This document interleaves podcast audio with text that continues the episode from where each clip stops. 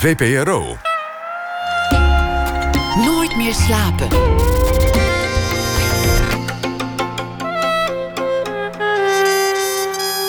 Met Pieter van der Wielen. Goedenacht en welkom bij Nooit meer slapen. Nog tot uh, twee uur vannacht op deze zender. Met na een een verhaal van Katelijn Schilder. Deze week onze vaste schrijver. Elke nacht een verhaal bij de voorbije dag. Regisseur Paula van der Oest vertelt wat haar eh, favoriete filmscène aller tijden is. En vertaler Alex Heijmans komt langs. Hij vertaalt vanuit Brazilië boeken naar het Nederlands vanuit het Iers. En hij heeft nu een Iers meesterwerk naar het Nederlands vertaald. We beginnen komend uur met Fresco. Welkom bij de Fresco Show heette vorig jaar zijn eerste theatershow. Waarmee hij nu opnieuw op reis zal gaan. Wie is Fresco? Dat is de vraag die hij als eerste beantwoordt in deze show. Dat doet hij op bewonderenswaardig open manier trouwens. Het gaat over zijn jeugd, over afkomst, over drijfveren, over racisme en over mishandeling. Maar er is ook ruimte voor plezier en voor platte grappen over het rukken. Fresco is uh, geboren in 1986, vooral bekend als uh, rapper, maar maakt ook uh, filmpjes en andere pret. Onder meer als zijn alter ego Gino Pieter Mai. Welkom Fresco. Ja, dankjewel. Leuk dat ik er mag zijn.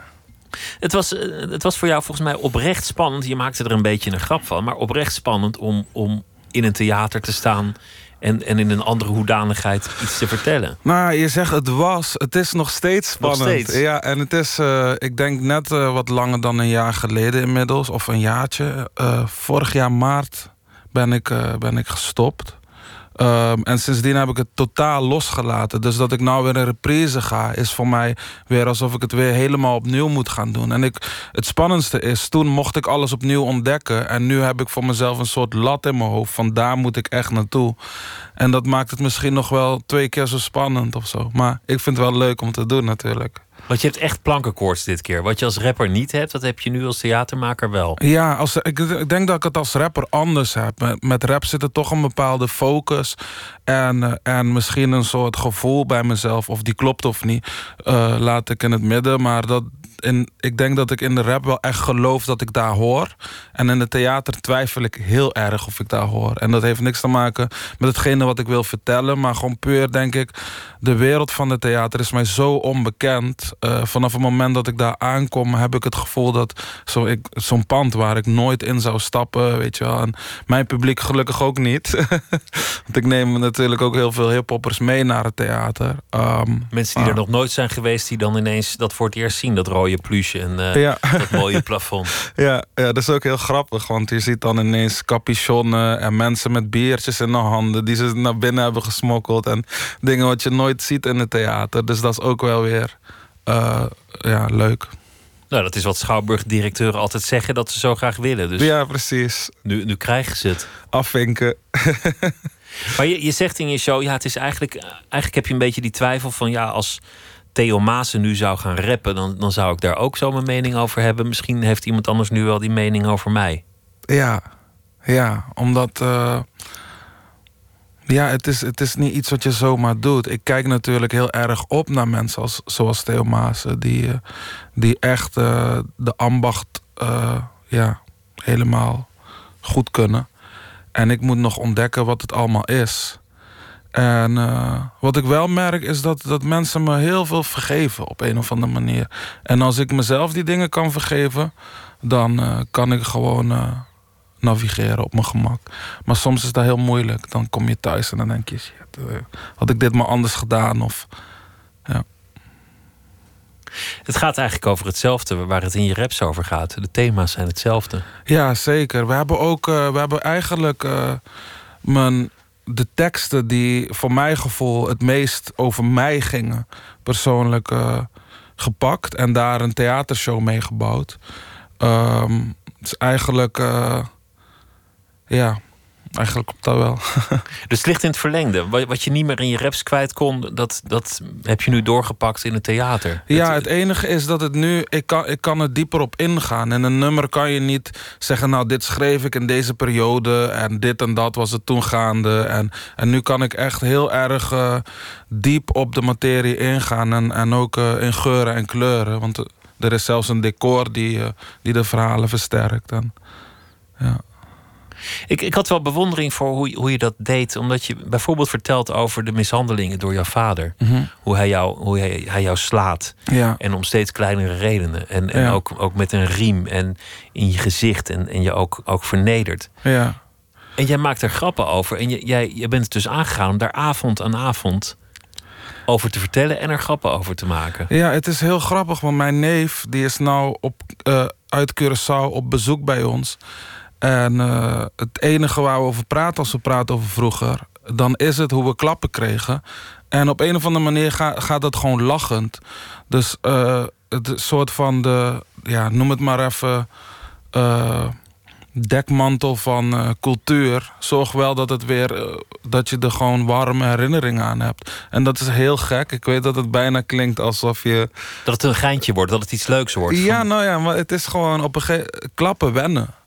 En dat is heel raar om te zeggen. Ik kwam naar Curaçao als Nederlands jongetje. eh, die de taal niet sprak en de cultuur niet kende. Dus het was in het begin heel chockerend.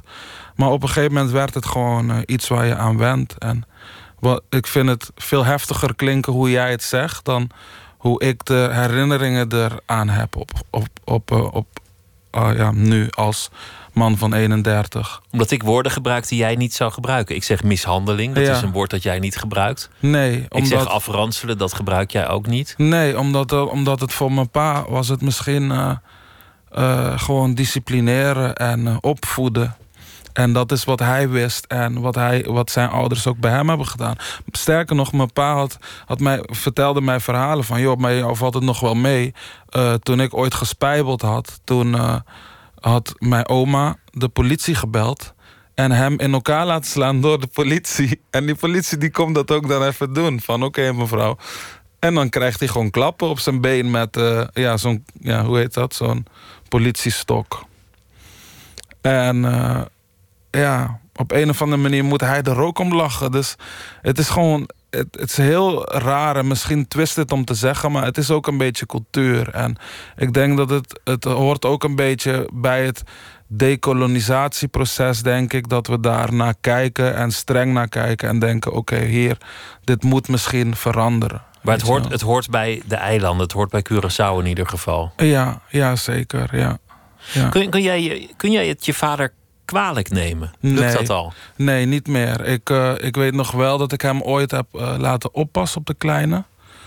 Eh, toen was Op jouw kindje? Ja, mijn dochter, die is nou zeven, die was toen een jaar of drie. En ik kwam thuis en nou, lang verhaal kort. Hij zegt, nou, ze is heel verwend en eh, af en toe moet je gewoon eh, moet je haar wel een klap geven. En zei hij ook nog, eh, haalde hij de Bijbel erbij van spare the rod and spoil the child, weet je wel. En, en toen zei ik, nee, ik ga, ik ga echt mijn dochter nooit slaan. En laat staan dat ik iemand anders het laat doen. En dat, dat heb ik wel op zo'n felle manier gezegd... dat hij meteen door had van oké, dit, dit gaat niet, weet je wel. En op dit punt, als we over dit soort dingen praten... dan zegt hij ook van ja, misschien heb ik dingen gedaan... die niet heel handig waren, maar ik heb wel altijd mijn best gedaan. En dat geloof ik.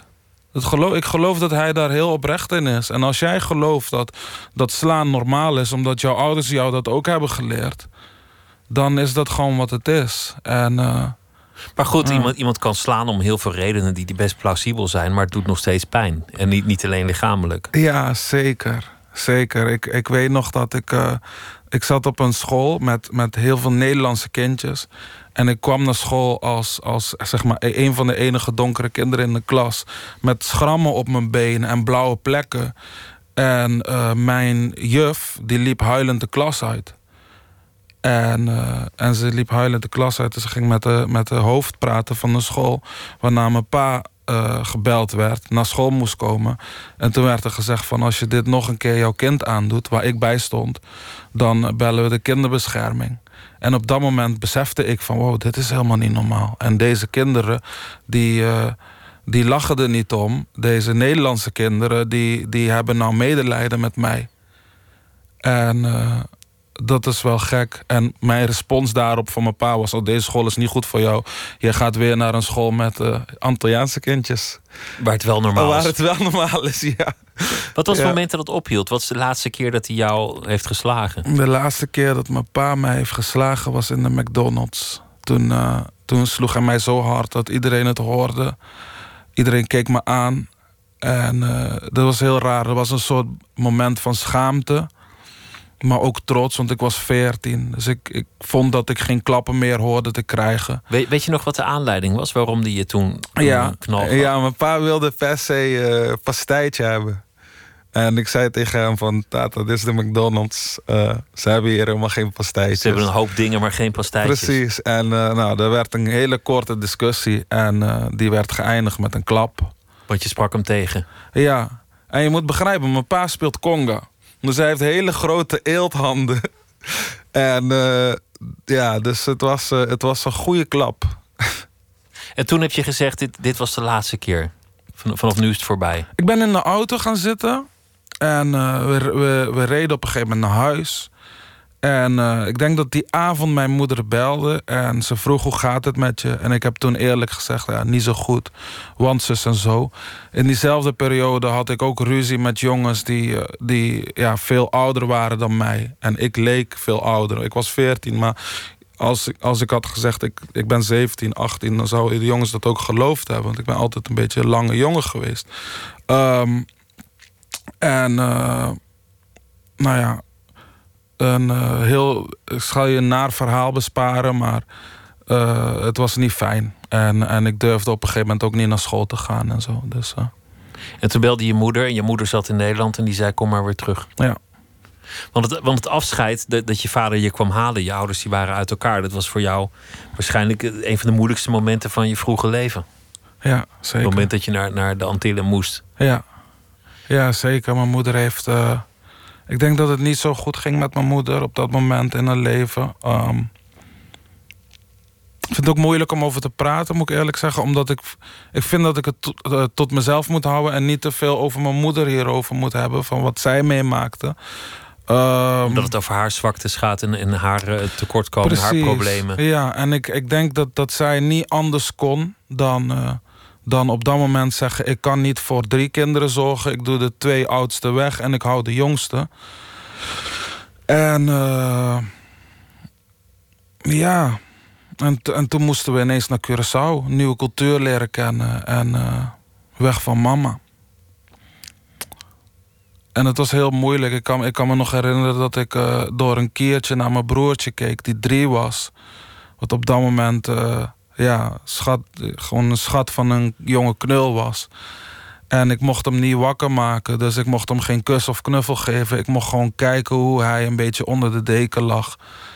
En uh, ik kon, ja, je kan nooit te lang kijken. En op een gegeven moment ging de deur weer dicht. En toen stonden René en Ine, vriendin van onze ouders. Uh, die stonden klaar om, mij, om mij en mijn zus naar het vliegveld te brengen. En dat was het? Dat was het, het afscheid was, voor dat, dat was moment? Afscheid, ja. Je gold, je gold in, in, je kinderjaren als een, een, jongetje dat iets te dik was. Ja. Je gold als een, als een jongetje die niet zo slim en niet zo snel was. Mm -hmm. En dan, dan, was je ook nog weg van je moeder en met een vader die, die je elke keer als hij een kans kreeg een, een, een hengst gaf. Oké. niet, niet echt een ideaal begin van, van een leven, zou ik zeggen. Um, als het gaat om dingen als zelfvertrouwen of, of het vinden van je weg in, in, nee, in de samenleving. Inderdaad, en ik denk dat ik tot de dag van vandaag heel erg naar binnen gekeerd ben. Ik denk dat het mijn karakter zo heeft gevormd dat ik, uh, dat ik heel comfortabel ben met de achtergrond. En helemaal niet comfortabel met, met de voorgrond. Maar omdat ik zo in me naar binnen gekeerd ben, wel een, een, ben wel een verhalenverteller. En ik ben wel iemand die ja, houdt van schrijven, tekenen, lezen. En um, dat is ook het hele dilemma uiteindelijk. Dat je dan toch op podium gaat staan en die dingen moet gaan. Uh, ja, toch moet gaan vertellen. Maar dat is interessant als, als mensen denken dat je niet slim bent. Mm -hmm. Wat. wat ja, mensen gewoon denken om hun moverende redenen. Want ja. volgens mij ben je het wel. Dat je, dat je dan toch op een zeker ogenblik daar zelf overheen stapt en denkt: ja, mijn teksten zijn de moeite waard. Ik ga naar buiten treden, want ik heb wel iets te vertellen. Ja. We, weet je hoe dat gekomen is? Dat je dat toch hebt aangedurfd, dat je dat toch bent gaan doen? Um, Goeie vraag. Ik weet niet precies wanneer. Ik denk, ik was ooit heel erg fan van Tupac Shakur. En uh, hoe ouder ik werd, hoe meer ik ben, hem echt ben gaan begrijpen. En wist dat het niet alleen stoere raps waren. Maar er zat ook een levensverhaal achter. En het was ook iemand die, ondanks uh, zijn woordengebruik of zo... heel intelligent was op zijn eigen manier. En, en uh, door gewoon puur door de kennis en wijsheid. En niet per se door... door ja, hoe goed hij een, eh, een zin grammaticaal in elkaar zette. Los van dat ik hem daar ook best wel sterk in vind. Um, ja, en toen dacht ik, ja, dat, dat kan ik ook. Dus, dus hip-hop is eigenlijk, eigenlijk voor jou een, een soort persoonlijke emancipatie geweest of zo? Of een, of een moment dat, dat, je, dat je het wel aandurfde? Ja, langzamerhand. Ik moet wel eerlijk zeggen, het begon gewoon als stoer doen. Mijn eerste teksten waren gewoon de cliché raps. Gelukkig zien die het daglicht niet. Maar uh, en naarmate ik denk ik uh, ouder werd, uh, durfde ik meer gewoon mezelf te zijn in mijn muziek. En, gewoon te schrijven over wat jou bezig hield. Ja. En ja, houdt. Ja, en ik weet nog dat ik op een gegeven moment in een riemenfabriek werkte. En en een, een brief schreef naar, uh, naar platenbaas uh, Kees de Koning. En uh, toen kreeg ik een contract, weet je wel. En dat was ook zo van, oké, okay, ja, tuurlijk teken ik dit, weet je wel. En nu zijn we bijna tien jaar verder. In die riemenfabriek moest jij het gaatje in de riem aanleggen? In Ehm. de, de broekriem en dan, en dan moet, moet er ergens een gat in. Nee, nee, nee. Wat ik moest doen is hele grote leerlappen het, het, vorm van de riem, zeg maar, de, ik moest daar de riem uitstanzen. En daar zaten dan ook gaatjes in, inderdaad. Maar het was echt de hele riemvorm gewoon, zonder gesp. Met de machine? Uh, ja, en, dat, uh, en dan gooi je de restjes weg en dan tel je de riemen. En dan maak je stapels van 50. En dan schrijf je een nummer op van... Uh, nou, hier ben ik gebleven, bijvoorbeeld... 41 en dan weet je, ik heb er dadelijk nog 9 nodig en dan is dit klaar. Maar aan de andere kant van het blaadje schreef ik mijn teksten stiekem op. En, uh, en ja, zo schreef ik gewoon tijdens het werk eigenlijk uh, de muziek. En kwam ik thuis en maakte ik het, uh, maakte ik het af. Het is wel ironisch als je, als je thuis bent geslagen door je vader met een broekriem, dat je dan in een riemenfabriek komt te werken. Ja. Waar je je angst ja, voor de zeker. riem overwint. Zeker, ik ken de klappen van de riem. En je weet ook hoe die, hoe die gemaakt wordt. De ja. twee kanten van, van het en verhaal. En tegenwoordig stream ik ook muziek. Dus, uh... Nou ja, alles komt bij elkaar. Je, je, je ziet het. De, de hip-hop-cultuur is, is natuurlijk inmiddels veel meer dan muziek alleen. Het is, het is ook. Uh, weet je, je hebt ook beeldende kunst die, die tot het genre behoort. En, en nou ja, met jou dan nu ook, ook theater. Ja. Maar in, in de, de kranten ging het de afgelopen week alleen nog maar over rapper Boef. ja. Rapper Boef die, die had, uh, had onaardige dingen over twee behulpzame vrouwen gezegd. Ja. En, uh, en die, die kreeg er van langs en die wordt nu geboycott. Ja. Alsof ja, ik heb, ik heb het allemaal gezien. Heeft. En ik heb gewoon even. Ik heb mijn eerste reacties heb ik een beetje voor mezelf gehad. Ik denk niet dat het gezond is om meteen, als er zoiets gebeurt, om meteen je mening te ventileren. Dus ik heb het even laten bezinken. En waar ik achter kom, is dat de discussie een beetje gekaapt wordt. Ik denk, voor mij, kijk, ik, ik sta helemaal niet achter uh, de dingen die die jongen heeft gezegd. En ik, ik probeer hem zeker niet te verdedigen. Want hij had uh, al twee vrouwen voor keg uitgemaakt. Ja. En dat zou zoiets betekenen als hoer, bitch, ja. slet, weet ja, ik het. precies. En, en um, ja, binnen die context... Uh, dat die vrouwen helemaal dat, die titel niet verdienen. En sowieso als, mogen ze het wel verdienen dan uh, moet je het gewoon sowieso niet zeggen. Want het is niet netjes, weet je wel. Als iemand prost prostituee is, dan ga je er ook nog steeds geen hoer noemen, weet je wel. Um, maar um, nu gaat het heel erg over... Uh, hoe, nu zie ik lijsten voorbij komen van hoeveel rappers gebruiken het woord keg... en hoe vaak en alsof, alsof hiphop... Uh, een soort probleem daarin is of zo. En dat, ik vind dat een beetje jammer en zwak, omdat het gaat uiteindelijk om de context waarin. En wa waarom ik hou van hip-hop is dat je hoort gewoon muziek uh, die gewoon heel mooi is geschreven, mooie teksten, maar wel gewoon met. Uh, die wel gewoon symbool staat voor hoe het op straat wordt gesproken. En het is echt een regelrechte reflectie van de maatschappij, like it or not. En ik vind niet dat we nou moeten doen alsof, uh, alsof hip-hop het probleem is. Of ik hoor zelfs mensen zeggen dat moslims het probleem zijn, omdat ze op die manier denken over vrouwen. Terwijl het is gewoon een jongen die uh, een hele onhandige, uh, ik durf zelfs te zeggen, hele domme uit opmerking heeft gemaakt. Uh, maar, de, maar de mensen die, die zich het hardst beklagen, zijn niet de mensen die normaal naar zijn concerten zouden gaan. Nee. Het doet mij ook denken aan vroeger had je Sid Vicious met een hakenkruis op zijn shirt. Dat was natuurlijk ook wel geluk. Maar de, de mensen die erover. Ja, het, cultuur moet ook af en toe niet voor, voor iedereen zijn. Anders wordt alles binnen de lijntjes. Ja, en ik heb ook zoiets van: je moet je voorstellen dat het publiek van Boef. Uh, nou een, een brave boef voortaan krijgt. Die nooit meer het woord kech zegt. Omdat hij bang is dat mensen daarover vallen. Dus ik denk ook niet dat kech het probleem is. Ik denk de context waarin hij het gebruikte klopt gewoon niet. En dat had hij niet moeten doen. Heeft hij sorry voor gezegd. Of je het meent of niet is tot daar en toe. Uh, ik wil helemaal geen boef zien die braaf is en uh, welbespraakt is. En ik wil gewoon boef zien die een boef is. Boef moet niet zeggen wat hoffelijk van u deze lift. Ik bied u een bos bloemen aan. nee, dank u wel. Nee, ik denk ook niet dat het interessant is. Maar die andere vraag, want, want, want daar, daar heb ik misschien wel twijfels over. Is het, is het niet waar dat er een soort vrouwonvriendelijke cultuur heerst bij veel jongeren? Dat het gewoon te makkelijk gaat om iemand slet, bitch of hoort te noemen? Oh ja, zeker. En daarom is hip-hop ook zo interessant omdat hip-hop dat ook laat zien. En dat je een inkijk krijgt in die wereld. En, uh, en dan moeten we niet uh, rappers dat gaan verbieden. We moeten juist uh, goed kijken naar die rappers. En aan de hand daarvan onszelf maatschappelijke vragen stellen. In plaats van rappers verbieden dat ze gewoon hun werkelijkheid aan de mens spiegelen. En, en daar gaat het nou een beetje fout. Ik denk dat mensen nou de vrouwenemancipatie vlag pakken om hip-hop en islam te bashen en boef te bashen vooral. In plaats van gewoon te zeggen van hé. Hey, deze context waarin hij dat gebruikte klopte niet. En, en er zijn inderdaad problemen in de maatschappij met jongeren die op deze manier denken. En dan, en dan, ben ik, dan sta ik er helemaal voor. Laten we, laten we straks uh, verder praten over, over een paar van die dingen. Maar ik wil ook luisteren naar een, een, liedje dat je vorig jaar hebt uitgebracht samen met uh, Mokromaniac. En de titel daarvan is Witlof. Yes.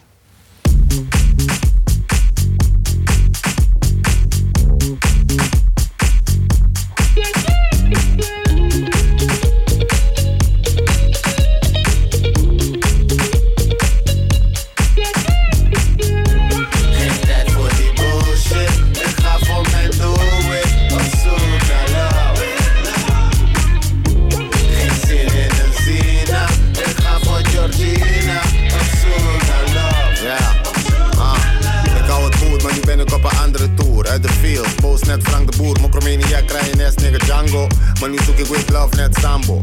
Ik was op die boshoofd net mango. Pak die blakke money, maar ik wil liever die blanco. Blanco en gelijk stroom net blanca. President White House, Casablanca. Ik zoek die wit love, maar ik ben geen house nigga. Flow vet net mayonaise saus nigga. Wit love, ik wil hem Alexander. Ik wil die maximale hoofd zonder tanden. Als je die wit love hebt, is alles anders. Ik wil die goede derde, ik Ludo Sanders. Ik heb genoeg Campina, Melk Unie voor Halina, Rijn en Georgina. Verbaan, maniac, kom eraan. Ik wil shine als de zon in de volle maan.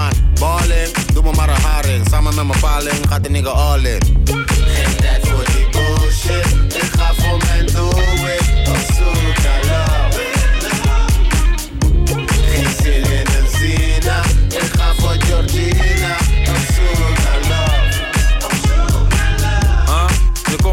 Doen. Ik pak die witlof, noem een nigga typhoon. Taalkundig gekwalificeerd, praat Nederlands met me, ben geassimileerd. Dat is a.k.a. genadje van malificeerd. Ik articuleer en laat je weten wat ik presteer. Ik krijg witlof, noem een nigga John William. Een Antillian, is het blank Willy het? Zoveel witlof dat ik bijna blank word. Frisco is de hema-worst in je stampot.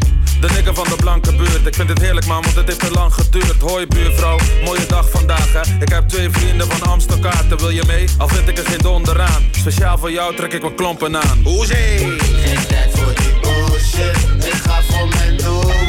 Op zoek naar love. Geen zin in een zina. Ik ga voor Georgina.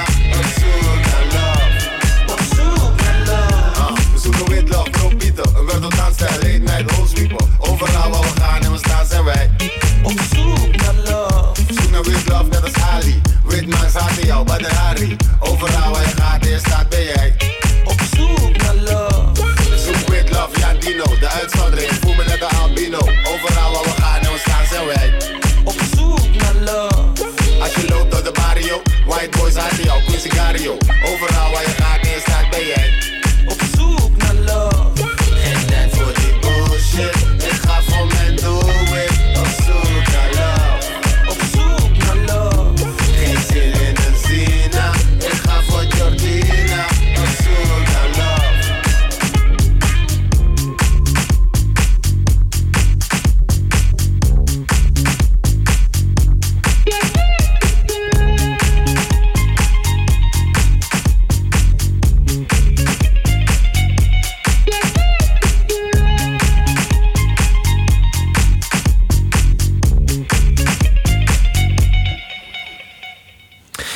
Samen met uh, Mokromaniac en het eh, nummer heet Witlof. Gaat eigenlijk ook al een beetje over waar we het net over, over hadden. Over, Ja. over cultuur die misschien voldoet aan andermans eisen, maar niet voor de oorspronkelijke liefhebber meer interessant is. Ja, ja ik, ik kan me voorstellen dat als, als, als Boef ineens eh, nooit meer het woord keg gebruikt, dat dat wel een beetje volgens de straat zou kunnen vallen onder witlof. En wat, wat eh, is witlof eigenlijk precies? Nou, witlof, eh, om het, om het heel simpel te maken. Je hebt love, gewoon liefde. En dat is gewoon van, hé, ik kan kritisch zijn op je, maar ik hou ten alle tijden van je. Maar iemand kan je ook een compliment geven, maar ondertussen helemaal niet van je houden. Van, hé, goed gedaan. Maar ondertussen is hij, eh, misgunt hij jou iets. En dan is het niet love, maar is het lof. Gewoon een schouderklopje. Eh, en witlof is eh, dat je alles doet voor de schouderklop van de, van de witte medemens, zeg maar. Zo hebben we dat gezien. Ehm, het was een beetje ontstaan op het moment dat ik en Mokromaniac naar ehm, De Wereld Draait Door gi- gingen. En Matthijs van Nieuwkerk, eh Mokromaniac, een, een hoofdklopje gaf, zo op zijn pet. En dat was voor Mokromaniac. Die, je moet je voorstellen, die jongen komt uit de Belmer. Het is, weet je, het is, het is een straat, eh, echt, eh, maakt echt straathip-hop, weet je wel. Die dan van, eh, van iemand een heel kleinerend hoofdklopje krijgt. En voor hem was, viel dat heel zwaar. En we moesten er wel een beetje om lachen. Maar hij zei wel van nee bro, breng me niet meer terug. Vol- volgende keer doe ik een spijker in mijn pet. En, dus hij zat daar Maar- zo maar- mee. En, Matthijs bedoelde dat hoogstwaarschijnlijk tuurlijk. amicaal. Tuurlijk, tuurlijk. Maar het, en en dat- uiteindelijk was dat ook maar het, eh, het begin van het ding. Omdat ik toen zei van ja, maar geloof me bro, het is alleen maar lof. En toen zei hij nee man, dat is witlof. Ik hoef geen witlof. En wij moesten zo lachen daarom. En waarschijnlijk had hij ook een jonko gerookt of zo. Dus hij, ah ja, ik weet niet. Op een, een Mokromaniac is sowieso iemand.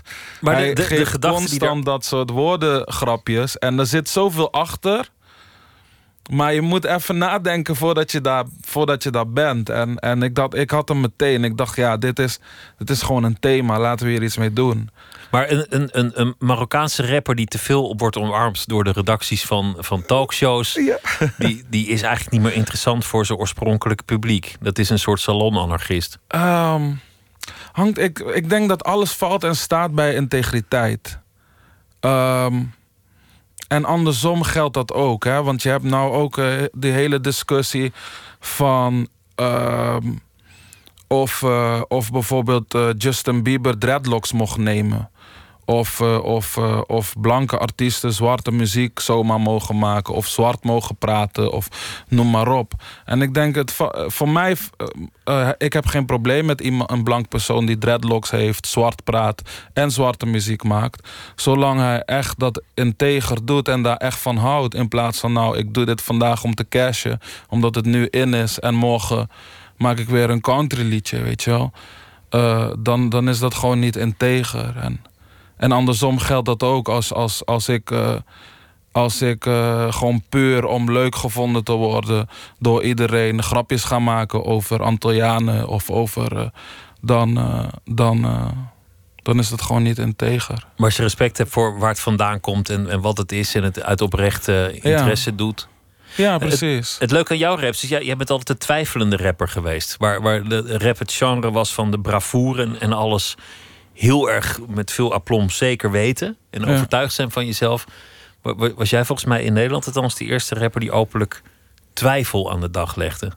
Letterlijk, ja. Eh, ik denk dat mijn eerste bekende nummer ook zo heette. Ehm, Twijfel. Ja, ja, Ja, ik, ik kijk, ik, eh, in- inmiddels, ik denk ook wel dat het gezond is of zo. Ik ben niet meer zo dat ik, eh, dat ik daar moeite mee heb of zo. Of dat ik denk dat ik, eh, dat ik macho of stoerder moet zijn. Ik, eh, ik heb gewoon zoiets van... En Winne heeft dat ooit tegen mij heel mooi gezegd. Hij zei, je hebt ego-rappers en emo-rappers. En ik ben liever een emo-rapper. En eh, ja, dat vond ik wel een mooie. Maar je twijfeltoon is toch uiteindelijk veel stoerder dan alles zeker weten, lijkt me. Ik denk dat dat ware, ware onzekerheid is je stoer moeten doen. Weet je wel? En, en dat, geldt, dat geldt bij alles. Ook nou met die hele MeToo-discussie. Ik denk dat. eh, toevallig had ik vandaag met, met iemand over. Dat je, je, je wil pas een vrouw onderdrukken als je onzeker bent over je mannelijkheid. En. eh, Als je niet weet hoe je het er echt naar de zin kan maken. Precies, ja. En, eh, dus uiteindelijk is iedere vorm van ma- macho zijn of stoer zijn of noem maar op, is de grootste vorm van onzekerheid, denk ik. Als je in zo'n riemenfabriek werkt, hè, wat, wat, sociaal gezien lijkt me dat wel interessant. Want in, in je theatershow noem je een paar dingen die jij dan al dan niet goed bedoeld naar je hoofd geslingerd krijgt. Mhm. Mensen die dan iets zeggen van. eh, Goh, jij, jij, jij bent wel wel bespraakt, ondanks je huidskleur of zoiets. Ja. Allemaal, allemaal niet heel, heel snugger.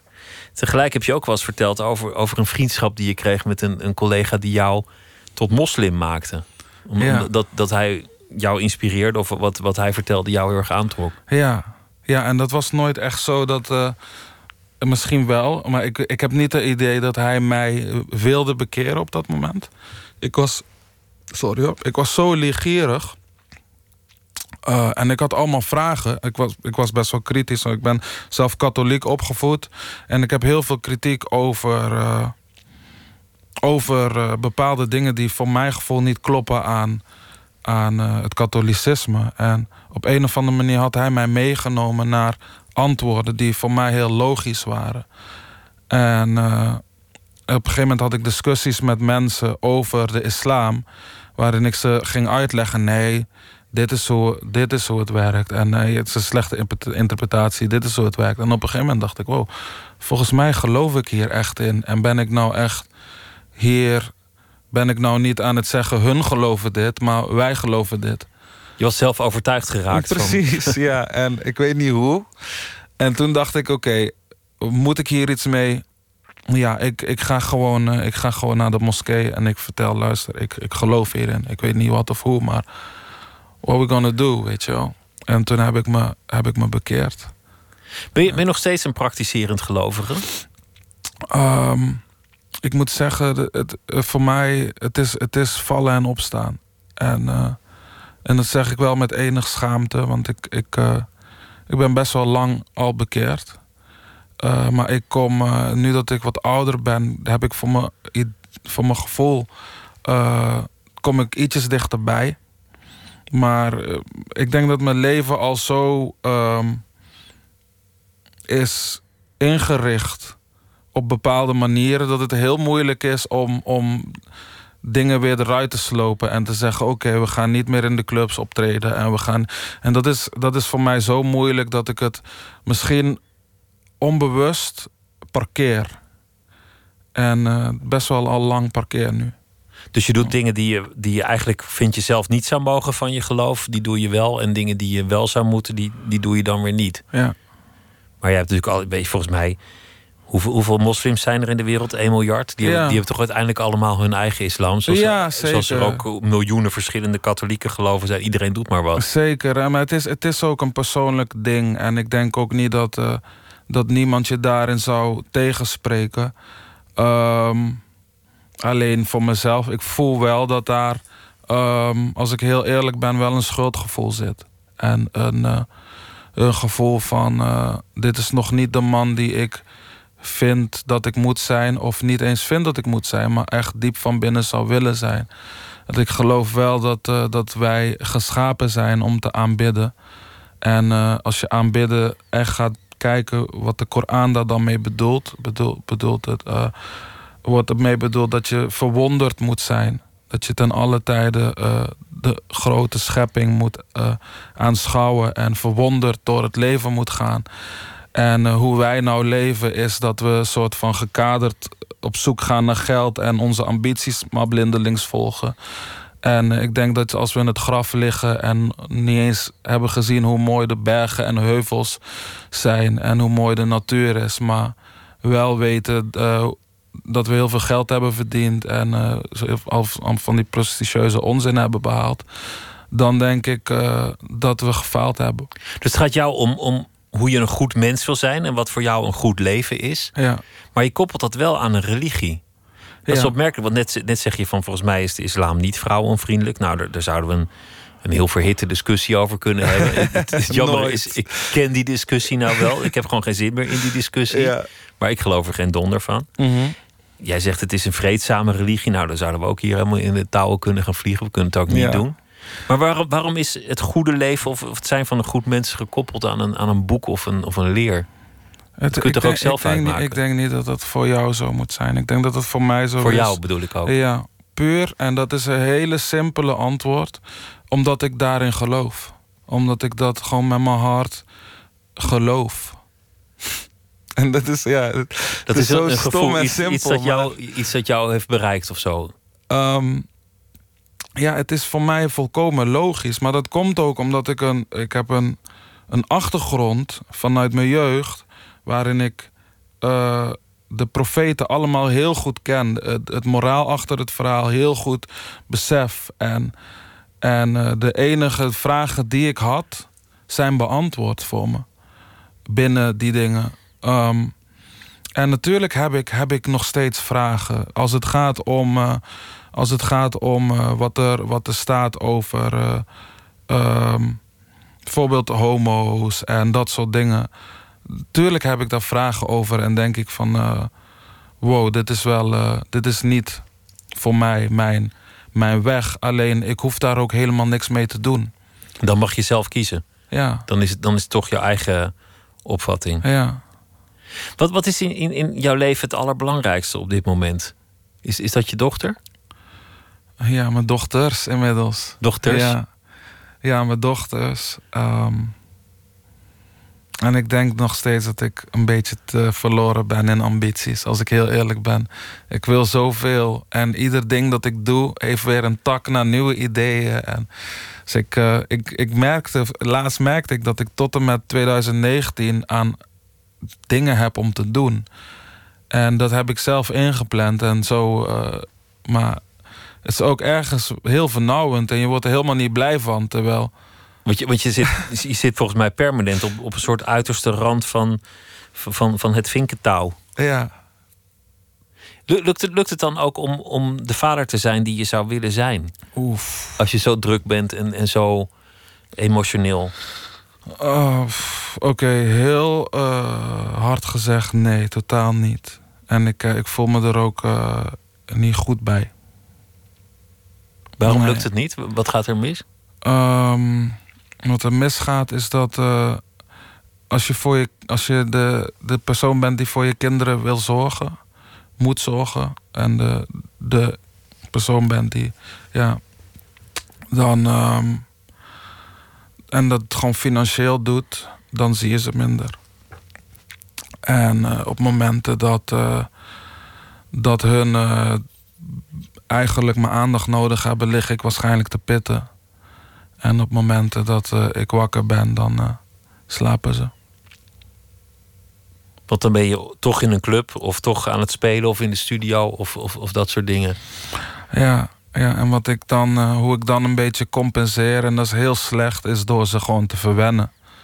En dat is misschien een soort ook het tegenantwoord wat ik heb op, op hoe ik ben opgegroeid eigenlijk. Met eigenlijk heel weinig en we zijn best wel arm opgegroeid. En, en alles was hard en discipline. En, en bij mij is het totaal andersom. Mijn kids lopen rond in merkkleding en alles wat ze willen krijgen ze. En, eh, ja, Want en je bent ik- zo bang om je eigen vader te worden. Wat dat betreft wel. Op andere vlakken niet. Maar wat dat betreft wel. Maar is die kans eigenlijk wel reëel dat jij als je eigen vader zou worden? Ik kan me heel goed voorstellen dat het door je hoofd schiet als je zelf een opvoeder wordt van oké, ik ga het anders doen. nou, maar maar, ik, ga, ik ga je wel één ding zeggen. Ik heb wel in mijn jeugd, want mijn pa heeft natuurlijk ook andere dingen dan alleen hoe hij ons heeft opgevoed. Eh, in mijn jeugd heb ik wel heel erg naar hem opgekeken. Hij was iemand, als hij ergens stond, pakte hij de aandacht. Hij wist altijd de juiste woorden te zeggen om mensen te raken, te motiveren. En, eh, en dat is wel iemand, ik weet nog heel goed dat ik ooit naar hem keek en dacht: hoe ga ik ooit hem worden? Terwijl ik hier zo in mijn eigen wereld gekeerd zit en uh, niet eens uh, mijn vinger durf op te steken in de klas. En ik denk dat dat mij wel gelukt is inmiddels. En daar ben ik heel blij om. En, en die band heb ik ook met hem. Dat, hij, dat ik weet dat hij daar ook trots in is. En dus dat wil ik wel even gezegd hebben. Dat het, dat het ook, ook een goede man was voor jou en een voorbeeld voor je was. Absoluut. En, en... Absoluut. En ik, ik, we hebben altijd de neiging om perfecte ouders te willen, een perfecte wereld te willen. En daar is helemaal niks mis mee. Maar uh, we moeten ook beseffen dat niks perfect is, niemand perfect is. Misschien dat jouw dochters later ook, ook denken van ja, dit, dit was pa. Pa was er niet altijd en, nee. en, pa was onrustig, maar hij deed wat, waar hij in geloofde. En het was gewoon onze pa. Oh, ja, dat, ik, dat hoop ik niet. Ik hoop dat ik... Uh, weet je, ik kijk altijd naar van die films, weet je wel. Dat, dat iemand bijvoorbeeld kiest om uh, casino's te beroven of drugs te dealen. En dan zie ik dat ze al het geld al hebben. En dan willen ze nog die laatste klus en die laatste klus. Godfather is daar een topfilm in. En dan aan het einde raakt Al Pacino ook nog zijn dochter kwijt in die film, weet je wel. Dan denk je echt... Uh, Nee man, was eerder gestopt. En uh, die lef moet je gewoon hebben op een gegeven moment om los te laten en te zeggen. En voor mij is dat het moment dat ik echt uh, praktiserend ga zijn. En dan gaat iedereen op me neerkijken en zeggen: Oh jammer, hij is moslim geworden, maar dan ben ik wel de vader die ik wil zijn. Ah, geloof ik niet. Nee joh, later is nu. Zoals het nu is, zal het later ook zijn. Oh nee, niet zeggen man. Dat vind ik echt verschrikkelijk. We gaan luisteren naar een van je, van je nieuwe nummers uh, solo. Ja. Als ik drop.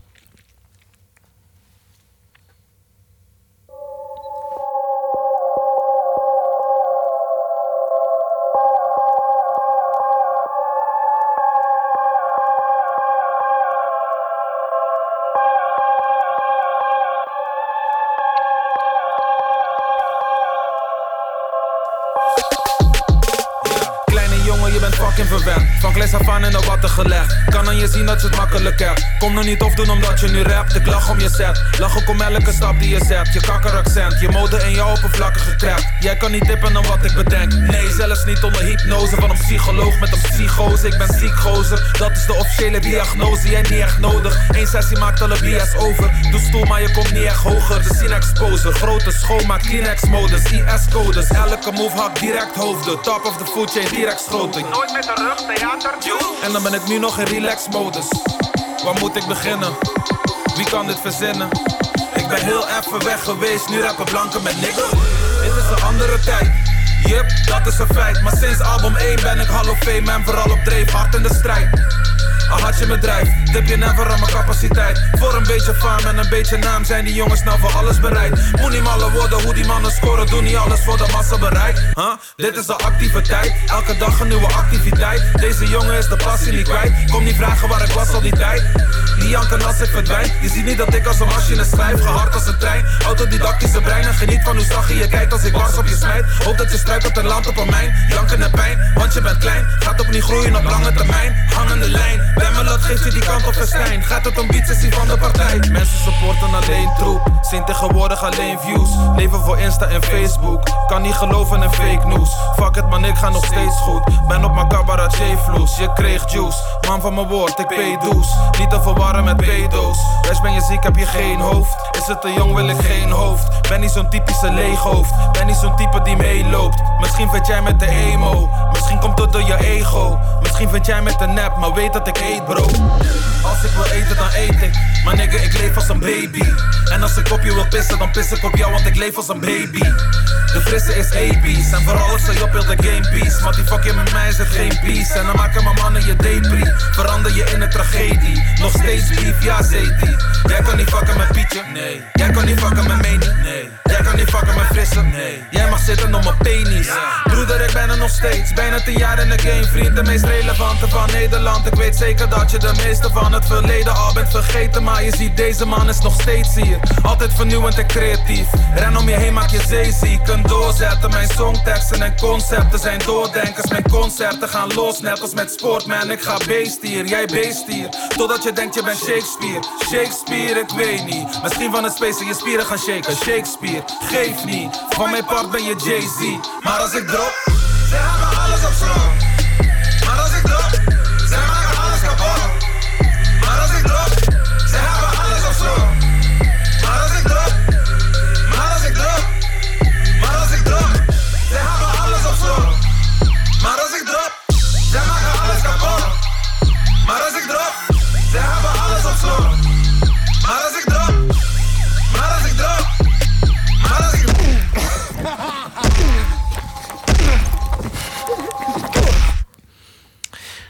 Fresco met eh, Als ik drop. En eh, hij zit tegenover me. We begonnen over je theatershow. Hoe nerveus je was toen je, het, eh, toen je het net ging doen. En dat dat nu nog steeds zo is bij de reprise. En toen hebben we het gehad over waarom je deed. Je zei ja, ik wil gewoon verhalen vertellen. En dat, dat lukte niet meer in mijn raps. Want het werd steeds langer Ja. dan maar op het podium. En, en je publiek is meegegaan naar die chique schouwburg. En zat op het pluche.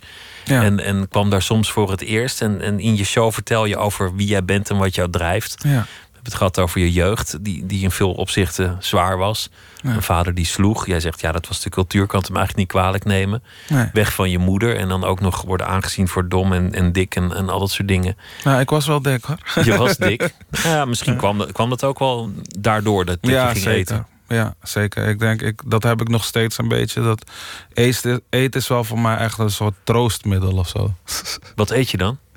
Alles. Alles waar je, waar je gewoon de hand maar op kan leggen. ja, zeker. zeker. Ik, De hele eh, dag door of in een aanval? In een aanval wel, ja. ja. Of in periodes dat ik echt niet lekker in mijn vel zit. En dan, ja, dan is het wel echt alleen maar koelkast tv, koelkast tv. We hebben het gehad over rapper Boef en, en dat, hij, eh, dat hij toch ook niet helemaal salonveeg moet worden. Dat, Mhm. dat hij weliswaar domme, onsmakelijke dingen heeft gezegd. Maar als hij precies dat zou zeggen wat de Groene Amsterdammer dicteert, dat het misschien ook niet meer de beste nee, rapper en, zou zijn. en moet je dat wel willen? Ik bedoel, eh, die man is, is, is succesvol op, op basis van een brutale imago. En natuurlijk moet hij ook zijn grenzen daarin kennen. En eh, die ruimte moeten we hem geven. En, en nog iets, ik, ik, we hebben de afgelopen jaren best wel een, een discussie gehad in hiphopland over diversiteit in de, in de muziek, in de media. In, eh, en eh, dat is nou echt volop in gang. Maar dat betekent ook, als er zo diversiteit komt, dat je ook gewoon meer straatdingen gaat zien eh, waar je niet gewend bent. En dan is de vraag ook, moeten wij dan constant dat verfoeien? Of moeten wij ook leren van, oh wauw, dat is ook een totaal andere wereld. En goed om dat te weten, überhaupt. En, Je hoeft het er niet mee eens te zijn, maar het bestaat. Maar ja, ja, zeker. wel. Ja, en dat is, dat is het mooie aan hip-hop. Dat ik, ik begrijp Amerika. Ik ben nooit in Amerika geweest, maar ik begrijp Amerika heel goed door hip-hop. Omdat ik gewoon alle lagen in de maatschappij is aan, zijn aan het woord gekomen daar. Kun, je, kun jij alles doen voor, je, voor jouw publiek? Zijn, er, zijn er bandbreedtes waar jij je liever ook niet buiten beweegt? Omdat je publiek van je vervreemd zou raken? Dingen die je niet zou laten zien? Dat vind ik echt een goede vraag. Ik denk, eh, ik denk, ik hoop het niet. Ik kan het beter aan jou vragen. ik weet het echt niet. Ik kan het niet voor jou oordelen. Wat, Nee. wat, wat jij nog aan. Ik denk dat je de, de grenzen van het genre in Nederland wel iets wat hebt opgerekt. Ja, Door, door twijfel te tonen, bijvoorbeeld. ja, ja, ja. Door soms een ander standpunt in te nemen. Ja, ja wat, eh, wat in de, wat in de hip-hop nog echt een ding is, is. eh, eh, ik moet even hardop denken, man. Ik denk homoseksualiteit. Ik denk niet dat hip-hop nog klaar is om echt een homoseksuele rapper te zien of zo. Maar dan, nou ben ik echt hardop aan het gissen, weet je wel. Ik, ik weet het echt niet. Mijn kennis van het genre is ook weer niet zo dat ik, dat ik nu meteen drie, Nee. drie homo's kan noemen die, die, die rapper waren. Nee, eh, wel een lesbische rapper. eh Young en May.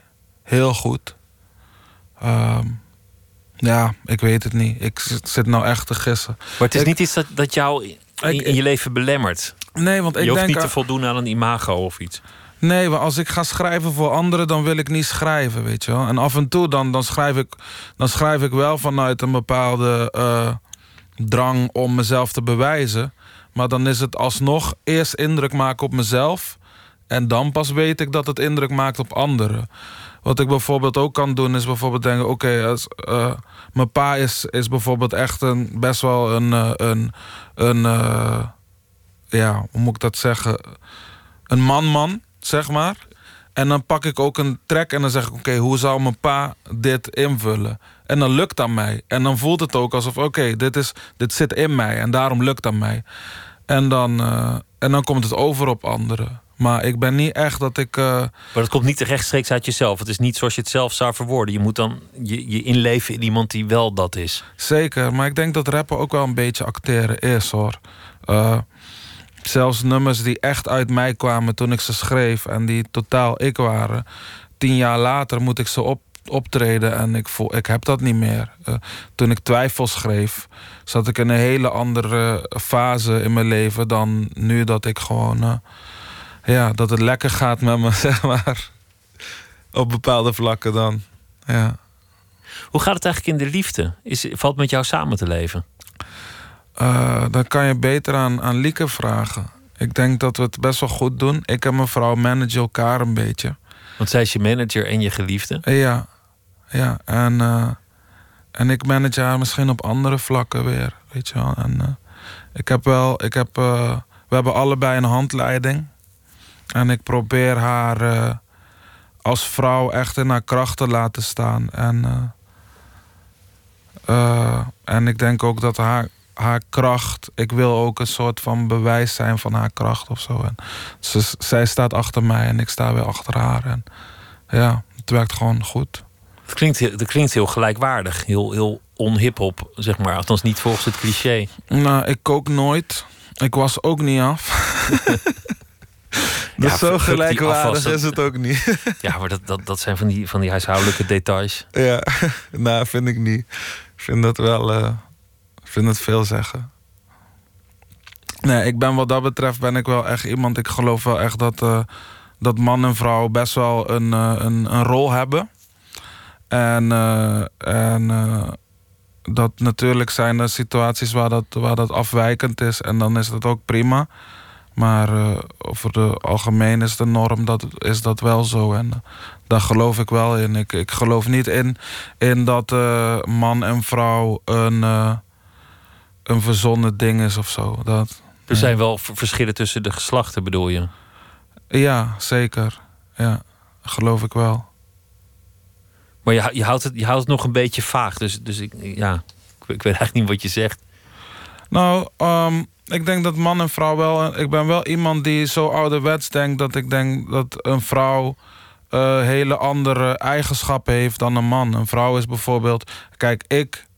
Ik heb dan best wel die vrouwelijke dingen. Dat ik bijvoorbeeld emotioneel ben en die kan durven te tonen. Maar 9 van de 10 mannen eh, is, is veel meer eh, ego gedreven, eh, veel onzekerder en daardoor doet zich stoerder voor. Terwijl een vrouw vaker emotie toont. Je merkt het ook in de muziek dat, dat vrouwen veel mooiere, rakendere teksten schrijven dan mannen die vaak gewoon eh, stoere Johnny Cash, bam, bam, bam, bam, snap je? En dat heeft, ja, dat, daar geloof ik gewoon in dat dat, eh, dat dat over het algemeen zo is. Ja, man en vrouw zijn niet hetzelfde. Dat, dat geloof Nee. ik ook niet. Ik denk niet dat dat is waar je naar moet streven met emancipatie. Dat iedereen dan maar precies Nee. hetzelfde wordt. Nee, precies. En, eh, maar dat is ook een beetje.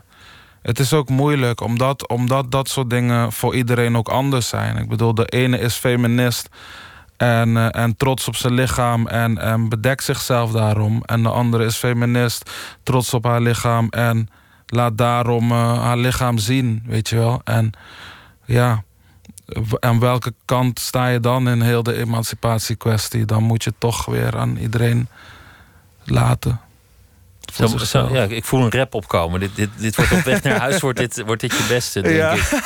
Hoe zie, hoe zie je jezelf als oude man? Want je zei net van ja, er komt een dag dat ik dit niet meer doe. Waarschijnlijk. Ja, Maar dat zei Mick Jagger ook toen hij jouw leeftijd had. Dus daar moet je mee oppassen. Maar ja. hoe, zie- hoe zie je jezelf als oude man?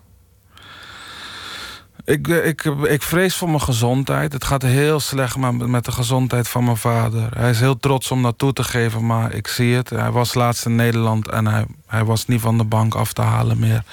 En als hij even liep, dan was, hij helemaal moe. En uh, suikerziekte, ehm, slechte knie, slechte rug. Ik heb al een slechte knie, precies dezelfde knie. Ik heb al een slechte rug. En uh, dus ik zit eigenlijk een beetje te wachten op die suikerziekte. en, je uh, denkt dus, van ja je, ja je, lijkt zo op je vader fysiek, ja, dan zal zeker, het wel komen. Ja, ja, dus ik maak me daar wel druk om soms. Alleen uh, ja, niet zoveel dat, het, dat ik verander in mijn gedrag of zo. Luiheid, denk ik. Luiheid, dat. dat Ja, gemakzucht. Ja. Eerst nog de theatershow. En uh, daar wens ik je heel veel succes mee en heel veel uh, plezier vanaf, uh, vanaf heden te zien onder de titel Welkom bij de Fresco Show. op reis door de theaters vanaf volgende week.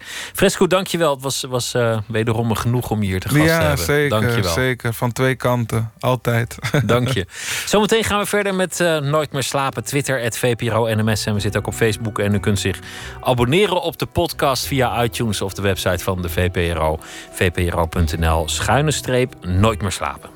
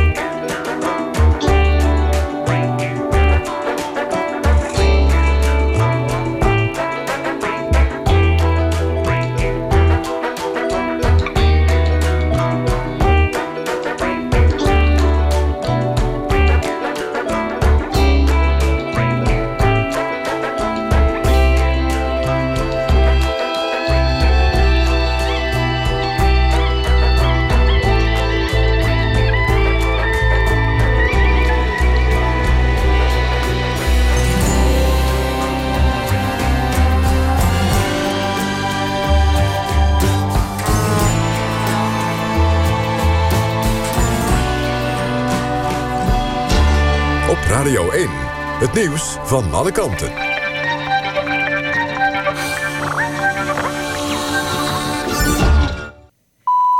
Uur met het NOS. De politie onderzoekt of er een verband is tussen een schietincident afgelopen weekend in Breda en de vondst vanochtend van een dode man in een appartement in Breda. De politie viel het huis binnen omdat er wapens zouden liggen. Twee mannen die in het appartement waren sloegen op de vlucht en raakten zwaar gewond toen ze van het balkon sprongen. Zaterdagochtend werden twee huizen in Breda beschoten. Na onderzoek heeft de politie een vermoeden dat de zaken met elkaar te maken hebben. Fabrikant Nevid laat een onderzoek instellen naar cv-ketels die mogelijk gevaarlijk zijn. Volgens RTL Nieuws kan er brand ontstaan en is er kans op koolmonoxidevergiftiging. Het gaat om ketels van het type Nevid Topline die tussen 2006 en 2009 zijn gemaakt. Experts zeggen dat de zogeheten warmtewisselaar vanwege de hitte kan vervormen. En daardoor kan heet rookgas en koolmonoxide lekken. Vorig jaar waarschuwde Nevet al voor een ander mankement met cv-ketels. Toen waren er problemen met de branders. Het TBS-systeem moet zo worden aangepast dat het voor verdachten aantrekkelijker moet worden om mee te werken. Daarvoor pleiten TBS-advocaten in een manifest. Ze vinden dat verdachten van tevoren meer duidelijkheid moeten krijgen over de duur van de behandeling. Nu kan TBS steeds worden verlengd. De advocaten vinden ook dat de politiek zich minder moet bemoeien met de TBS. In het Zwitserse Zermatt zitten zo'n 13.000 wintersporters vast. Door hevige sneeuwval en extreem lawinegevaar kunnen ze het mondaine skioord niet verlaten. Voor mensen die per se weg wilden, vlogen er afgelopen middag een tijdje helikopters. In het kanton Wallis, waar het Zermatt ligt... is de afgelopen 24 uur meer dan een meter sneeuw gevallen. Het weer vannacht af en toe wat regen bij een graad of drie. Overdag is het druilerig met veel bewolking en regelmatig regen. Het wordt ongeveer 8 graden. Dit was het NOS Journaal. NPO Radio 1. VPRO. Nooit meer slapen.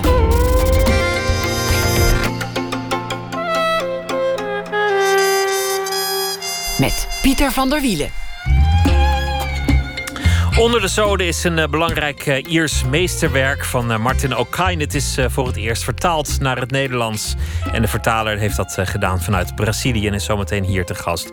Paula van der Oest is een van Nederlands bekendste regisseurs. En ze vertelt zometeen wat haar favoriete scène in de filmgeschiedenis is. Maar we beginnen dit uur met Katelijn Schilder. Ze is schrijver, schreef twee romans, ze schrijft ook verhalen. En ze geeft les in creatief schrijven. Deze week zal ze elke nacht een verhaal maken bij De Dag die achter ons ligt. Katelijn goeienacht. Dag Pieter. Waar gaat het vandaag over? Nou, vorige week werden voor het eerst in de geschiedenis alle waterkeringen tegelijk gesloten. Gisteren was er een zware aardbeving in Groningen en over een paar uur wordt de hoogste waterstand in alle rivieren bereikt. En ik dacht, dat is toch wel een maf weekje, zo alles bij elkaar. Alle systemen worden getest, de natuur is Ja. achter ons aan. We zijn in vol bedrijf. En op het journaal vandaag eh lieten ze een aantal zogeheten watertoeristen aan het woord. Dat was voor mij een nieuw woord. En eh, dat is het stukje van vannacht geworden. Ik ben benieuwd, ga je gang. Oké. De watertoerist controleert graag zelf of het afzetlint op het hardloopparcours in de uiterwaarde is verplaatst. Hinkelt met fiets in zijn nek via de speciaal daarvoor geplaatste betonblokken in de ondergelopen polder. Hij wacht geduldig aan de kade tot die ene door onze ingenieurs gemonitorde sneeuwvlok uit de Alpen het land is ingestroomd. En reist per trein vanuit Heemskerk naar Chinees restaurant Hongkong Boot en ziet dat de loopbrug inderdaad onder water staat. Nevengeulen, bijpasses, stalen deuren, houten bielsen, dijkinspecties. De watertoerist krijgt er geen genoeg van. De enige natte voeten van het land worden gepland en vol trots opgelopen door de watertoerist... die wil ervaren hoe sterk de stroming nu precies is. Droge sokken en sultana's in de rugzak. De bewoners vlak achter de dijk kunnen gerust zijn. Dijkgraven houden de wacht. In potentie zou de watertoerist ook een zeer gepassioneerd bodemtoerist kunnen zijn. De watertoerist heeft veel interesse in elk bijzonder geografisch fenomeen. Hij geniet van technische hoogstandjes, Hollandse planmatigheid en het bijzondere evenwicht tussen mens en natuur. Die bodemtoerist zou graag afreizen naar Zeerijp, Loppersum en het Zand om te zien hoe daar het cultureel erfgoed wordt beschermd tegen aardbevingen met behulp van de nieuwste bouwtechnieken, trillingsdempers, deltaplan. Hij daalt af naar het energieneutrale bezoekerscentrum honderden meters onder de grond in de lege gasbel onder het Groningerland om vervolgens te overnachten in een net gerenoveerde kerk waar je kunt slapen in het orgel, bestand tegen elke aardschok. In het buurtcafé van Zeerijp praat de bodemtoerist met de trotse bewoners over hoe mooi dat in Nederland toch maar geregeld is. De NAM die alles betaalt zoals het hoort en hoe iedereen er samen de schouders onder heeft gezet. Maar zover is het niet. En naar scheuren, scherven en wanhoop kijkt men liever niet. Dus tot die tijd eet de watertoerist een tosti op het Rijnterras bij Lobit. Even lijkt alles onder controle. Tot zover. Over de maand waarin eh, alle stormkeringen dicht moesten, het waterpeil om de rivier het hoogste punt ooit bereikte en eh, de bodem onder Groningen schudde als nooit tevoren. En eh, Ja. alle plannen werkten voor een deel en voor een deel ook niet. Nee, één eh, onderdeeltje zijn ze toch wel vergeten, heb ik het idee. Ja, Daar in het noorden.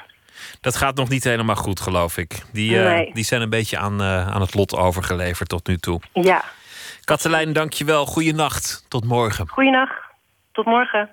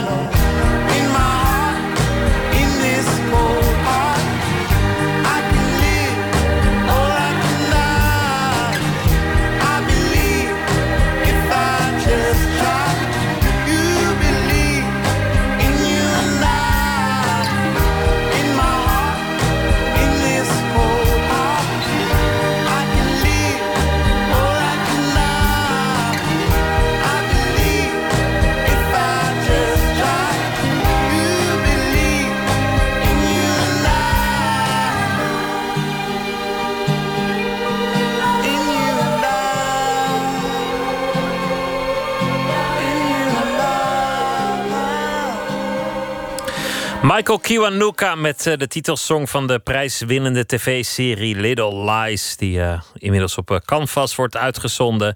En dit nummer heet Cold Little Heart.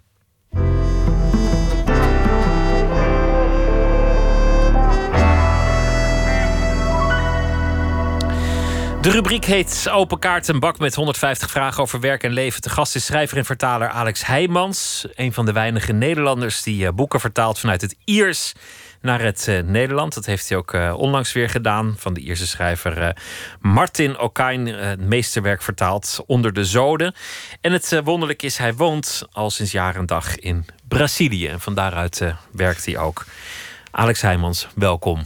Dankjewel, Pieter. Hoe is, hoe is het allemaal zo gekomen dat je als, als Iers vertaler in Brazilië woont? Eh, nou, dat heb ik niet zo gepland, maar eh, het leven dat gaat soms zo. Ik heb, eh, toen ik twintig was, toen, heb ik, ehm, toen ben ik naar Ierland verhuisd. Gewoon ja, via een, een uit Erasmus-student was ik daar.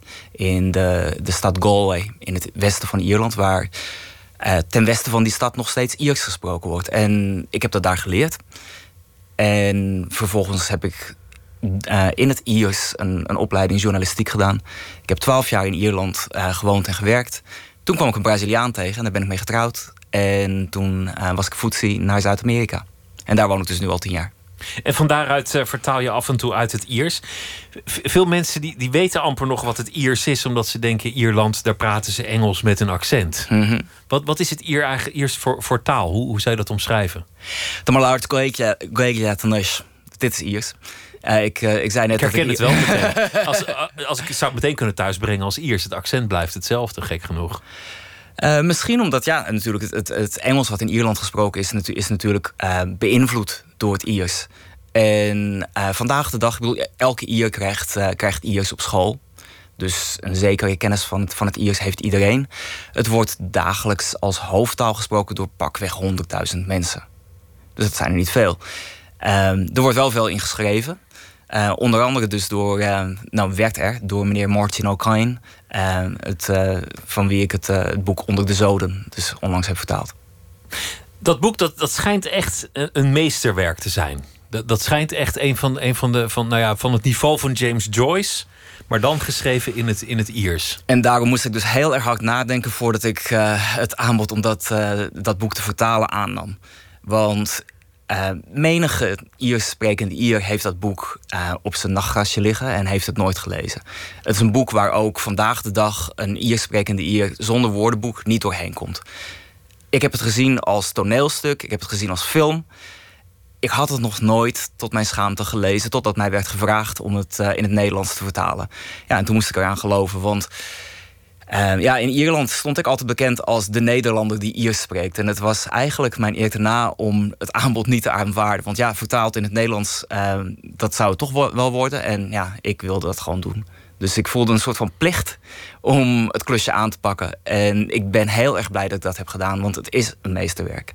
Maar het, het moeilijke is, voor we het over de inhoud van het boek gaan hebben, dat het ook nog verschillende dialecten van het Iers omvat. Die ook allemaal een functie hebben in het verhaal om de plek van de personages duidelijk te maken.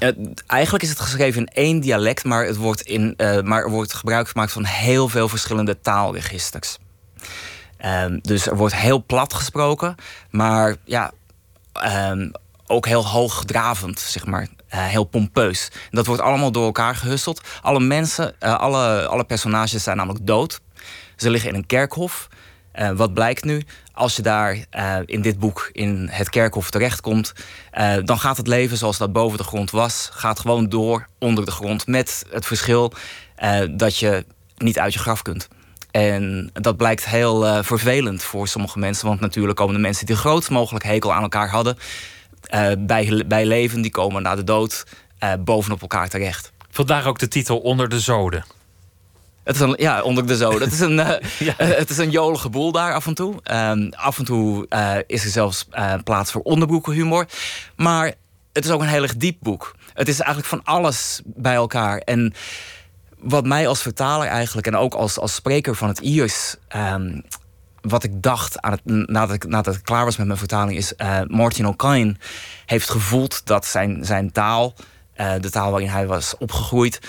ja, dat die toch ik wil niet zeggen op sterven na dood is, eh, dood was, want dat is die taal nog steeds niet. Uh, maar het is een taal waarvan Martin O'Kane de- denk ik gedacht heeft: ik wil de lezer laten zien waartoe het Iers allemaal in staat is. En daarom heeft hij als een, als een, ja, een magistrale orgelspeler alle registers opengetrokken. Maar hoe doe jij dat dan in het Nederlands? Want hoe, hoe vertaal je dan verschillende taalregisters naar het Nederlands, waar we ook wel allerlei vormen van taal hebben, maar die zijn natuurlijk niet meteen hetzelfde ten opzichte van elkaar als in het Iers. Dat was nogal een, eh, een, een, een uitdaging. En eh, ja, je hebt het net gehad over dialecten. Het is een boek wat in een zwaar dialect, het dialect van eh Connemara, het, het westen van, eh, van Ierland, geschreven is.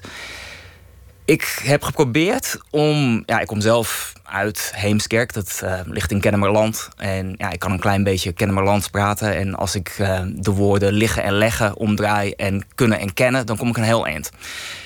Dat, eh, dat was ook eerst mijn insteek. Ik, ik probeerde sommige van de personages die vrij plat praten. probeerde ik op die manier een, een regionaal tintje mee te geven. Dat, ja, dat was net een brug te ver. want eh 410 bladzijden lang was dat eigenlijk. werd het na een tijdje strontvervelend. Dus ehm, ik heb dat wat teruggedraaid.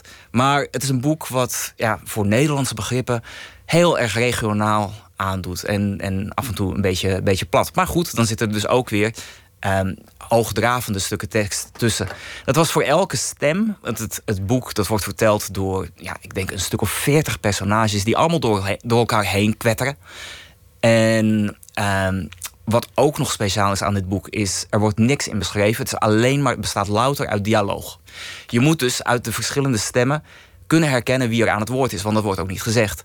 En pas nadat je een tijdje in het boek bezig bent... dan begint het je duidelijk te worden... oh, nu is zij weer aan het woord. Dus ik heb voor elke stem... heb ik een soort van Nederlandse ehm, stem moeten, moeten uitvinden. En ja, ehm, bij sommigen waren de, de buurvrouwen van mijn moeder erg handig. Ik ben nu heel, eh, heel, heel benieuwd eh, naar dit, eh, dit boek geworden. Je hebt ook een café, want het is natuurlijk het Ierse... eh, ha- gehad, wilde ik erachteraan zeggen. Een café gehad. Want dat is het, het belangrijkste Ierse exportproduct in de wereld natuurlijk. De Ierse pub. Hoe, hoe heette jouw pub? Het was dus geen pub, het was een koffiehuis. Een koffiehuis, Ja, en wij schonken geen alcohol. We waren wel s'avonds laat open. Eh, en we waren een van de weinige plekken waar je s'avonds laat in Galway terecht kon. eh, en waar je niet verplicht werd om Guinness te drinken of aan de whisky te zitten. Eh, je kon gewoon een goede koffie bestellen. En wat er verder spe- speciaal was aan dat café was dat ehm, de meeste mensen die daar werkten en de meeste mensen die daar, nou, veel mensen die daar kwamen, die spraken Iers. Dus het was een soort van ehm, trefpunt ook voor, voor Iersprekers in de stad. En de naam was? Banana Voblacht. Banana Voblacht. Dat betekent Bananenrepubliek in het Iers. Laten we beginnen met eh, de vragen. Ik wil je vragen om een, eh, een kaart te trekken, als je Nou, wil. Daar gaan we. Hm. Wanneer begon je jezelf serieus te nemen? Ja, misschien ongeveer een jaar geleden. Ehm, ik bedoel, ja, ik heb, eh, ik heb als. ja, ik heb 13 ambachten gehad, 14 ongelukken misschien. Ehm, ik heb heel veel gedaan. Ik heb, eh, ik ben, ik heb in ehm, drie verschillende landen gewoond: in Nederland, in Ierland en in, in nu dus in Brazilië. Maar ja, ik ben ook ondertussen 42. En eh, je begint af en toe wat over de toekomst na te denken. En over eh, ehm, ja, iets wat ik nooit gedaan heb, over mijn oude dag. Dat is dit jaar een beetje begonnen. Dat ik met zulke soort vraagstukken bezig, bezig ben. Was er een aanleiding wa- waarom dat begon? Eh, een beetje wel. Ehm, mijn vader is al 21 jaar geleden overleden. Ehm, maar ja, er zijn wel meer familiezaken, zeg maar. Ehm, je weet soms niet wat er voor je ligt. En op die manier begon ik toch ook wel wat over mijn eigen oude dag te denken. Laten we nog een vraag doen. Met wie uit het vak had je voor het laatst ruzie en waarover? Ehm, ik heb eigenlijk nooit ruzie gehad met iemand uit mijn vak. Nou, dat moet je zo houden. Dat is is helemaal niet leuk. Nee, dan eh, pak ik misschien nog maar een vraag. Ja, doe maar. Ja. Die staat op zijn kop. Wat is het laatste boek dat je gelezen hebt? Eh, ja, nou moet ik. eh, dat gaat heel erg stom klinken, maar mijn eigen verhalenbundel die pas geleden in Ierland uitgekomen is. Ik schrijf dus zelf ook in het Iers. En ehm, eind vorig jaar, eind 2017, is een, eh, een verhalenbundel van mijzelf, van mezelf die is daar uitgekomen. Ehm, ik was daar in Ierland om een boektour te doen. En ja, ik moest natuurlijk eh, voorlezen uit eigen werk. Dus het laatste boek wat ik gelezen heb, vlak voor kerst... eh, dat was mijn eigen verhalenbundel. Idra hier, ehm, tussen twee landen, betekent dat. Laten we nog een vraag doen.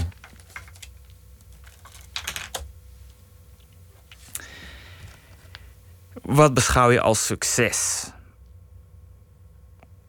Ik vind dat het eigenlijk niet altijd om succes of om het eindproduct moet draaien. Maar eh, wat belangrijk is, is de reis. De reis daar naartoe en of iets nou lukt of niet. Het gaat om de ervaring eh, die je onderweg opdoet. En ja, waar het toe leidt, ja, dan ben je bij een eindstation en dan moet je op zoek naar een nieuwe uitdaging. Dus waarom zou je succes willen hebben? Oh, dat heb je mooi gezegd. Dus zo'n project als dit, dat is gewoon interessant. Je doet het omdat er een soort urgentie in het project zelf ligt. Mhm. Maar niet omdat je, dat je erkenning wil of een prijs of, eh of nee, geld wie dat wil, die moet vooral niet gaan schrijven. Die moet voor, en ook niet gaan vertalen, want dat levert Nee. niet zoveel op. Maar eh, ja, eh, ik heb gigantisch veel plezier beleefd aan, aan het vertalen van, van dit boek van Martin O'Kane, van Onder de Zoden. En ik ben blij dat ik het gedaan heb. En ehm, zo beleef ik ook aan mijn eigen schrijven veel plezier. Maar goed, dan raakt een boek af en dan begin je aan het volgende. Dankjewel en eh, veel succes in eh, Brazilië en met het eh, Iers en het Nederlands. Alex Heijmans, dankjewel. Dankjewel, Pieter. We gaan luisteren naar muziek uit Denemarken. Een Deense singer-songwriter, I Am JJ. En hij is fan van Nick Cave, maar ook van Serge Gainsbourg. En dit nummer heet With You in My Arms.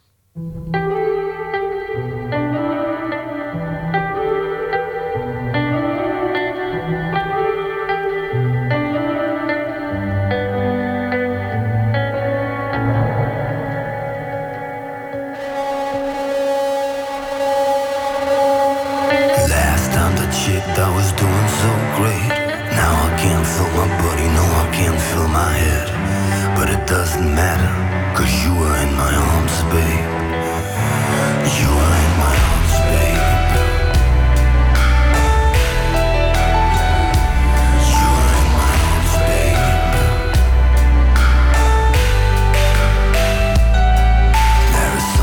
Snow, but I cannot tell you why. I got nothing in my nose, mama. Don't cry. I just wanna live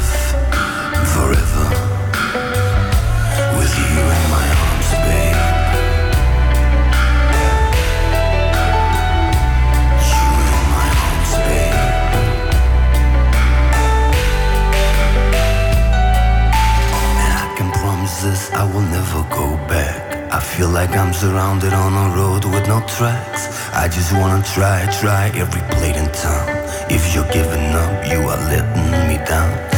Can promise this, I will never go back. I feel like I'm surrounded on a road with no tracks. I just wanna try, try every blade in town. If you're giving up, you are giving down.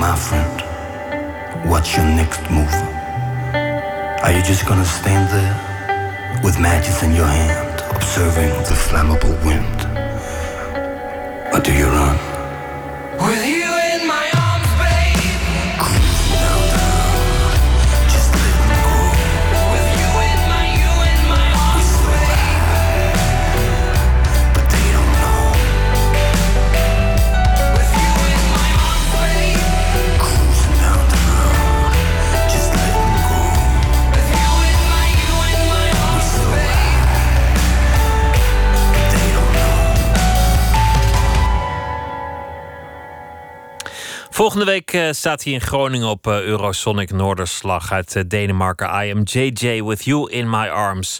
Eén minuut, een reeks verhalen in 60 seconden. Deze is gemaakt door Jair Stijn en heet Ziek. Pst, één minuut. Nou, ze liggen niet op volgorde, maar ik kan even gauw de eerste pakken die ik kreeg met mijn verjaardag. Nou, een zin eruit. Een lekker wijf met haar prachtige lijf. Haar heerlijke mond, haar haren zo blond. Met haar van Bil, dat is wat ik wil. Haar oneindig laten komen als in mijn dromen. En toen dacht ik nog, wat een goede grap. van een goede vriend van me. Dus ik heb wat sms'jes de deur uit gedaan met ha ha ha. Maar daar kreeg ik allemaal vraagtekens op terug. En toen dacht ik, het zal toch niet die vervelende jongen van mijn werk zijn... die me al een tijdje loopt lastig te vallen. Een heel bizar verhaal. Mijn collega die zit al een maand of zes, zeven thuis... omdat hij ziek is van verliefdheid op mij. Overspannen van verliefdheid. En nou, ik krijg zo nu en dan nog een mailtje van hem... waarin hij nog een poging doet. Maar eh, ja, ik, ik weet niet echt wat ik ermee aan moet. Ik ben ergens heel blij dat hij er niet is. Het maakt het voor mij veel prettiger om op het werk te verschijnen. Aan de andere kant is het natuurlijk ook wel een beetje een bezwaarlijk verhaal... dat hij thuis zit vanwege mij.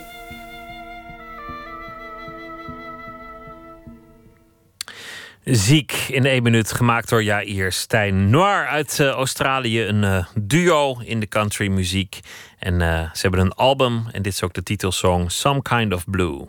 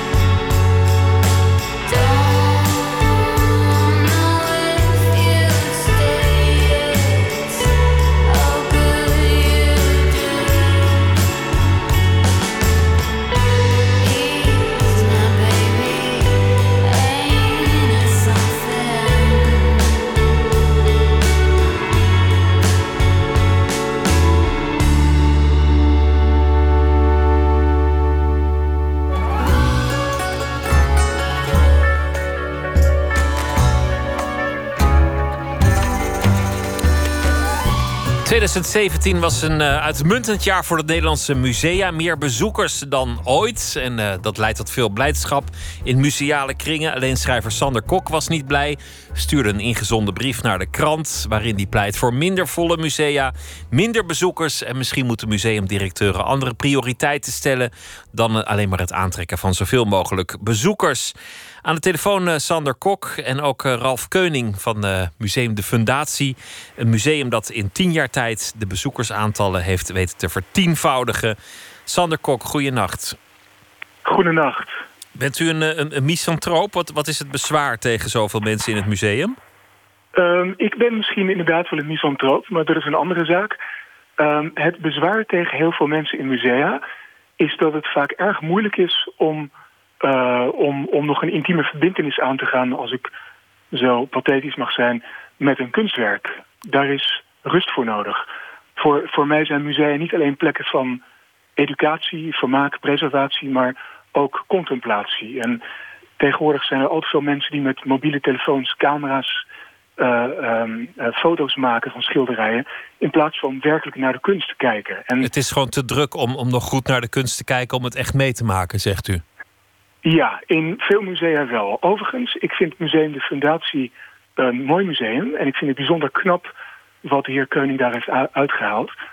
Um, ik zou alleen niet willen dat, het, um, dat men gelooft dat het zonder meer goed is... dat hogere bezoekersaantallen uh, leiden tot een betere wereld.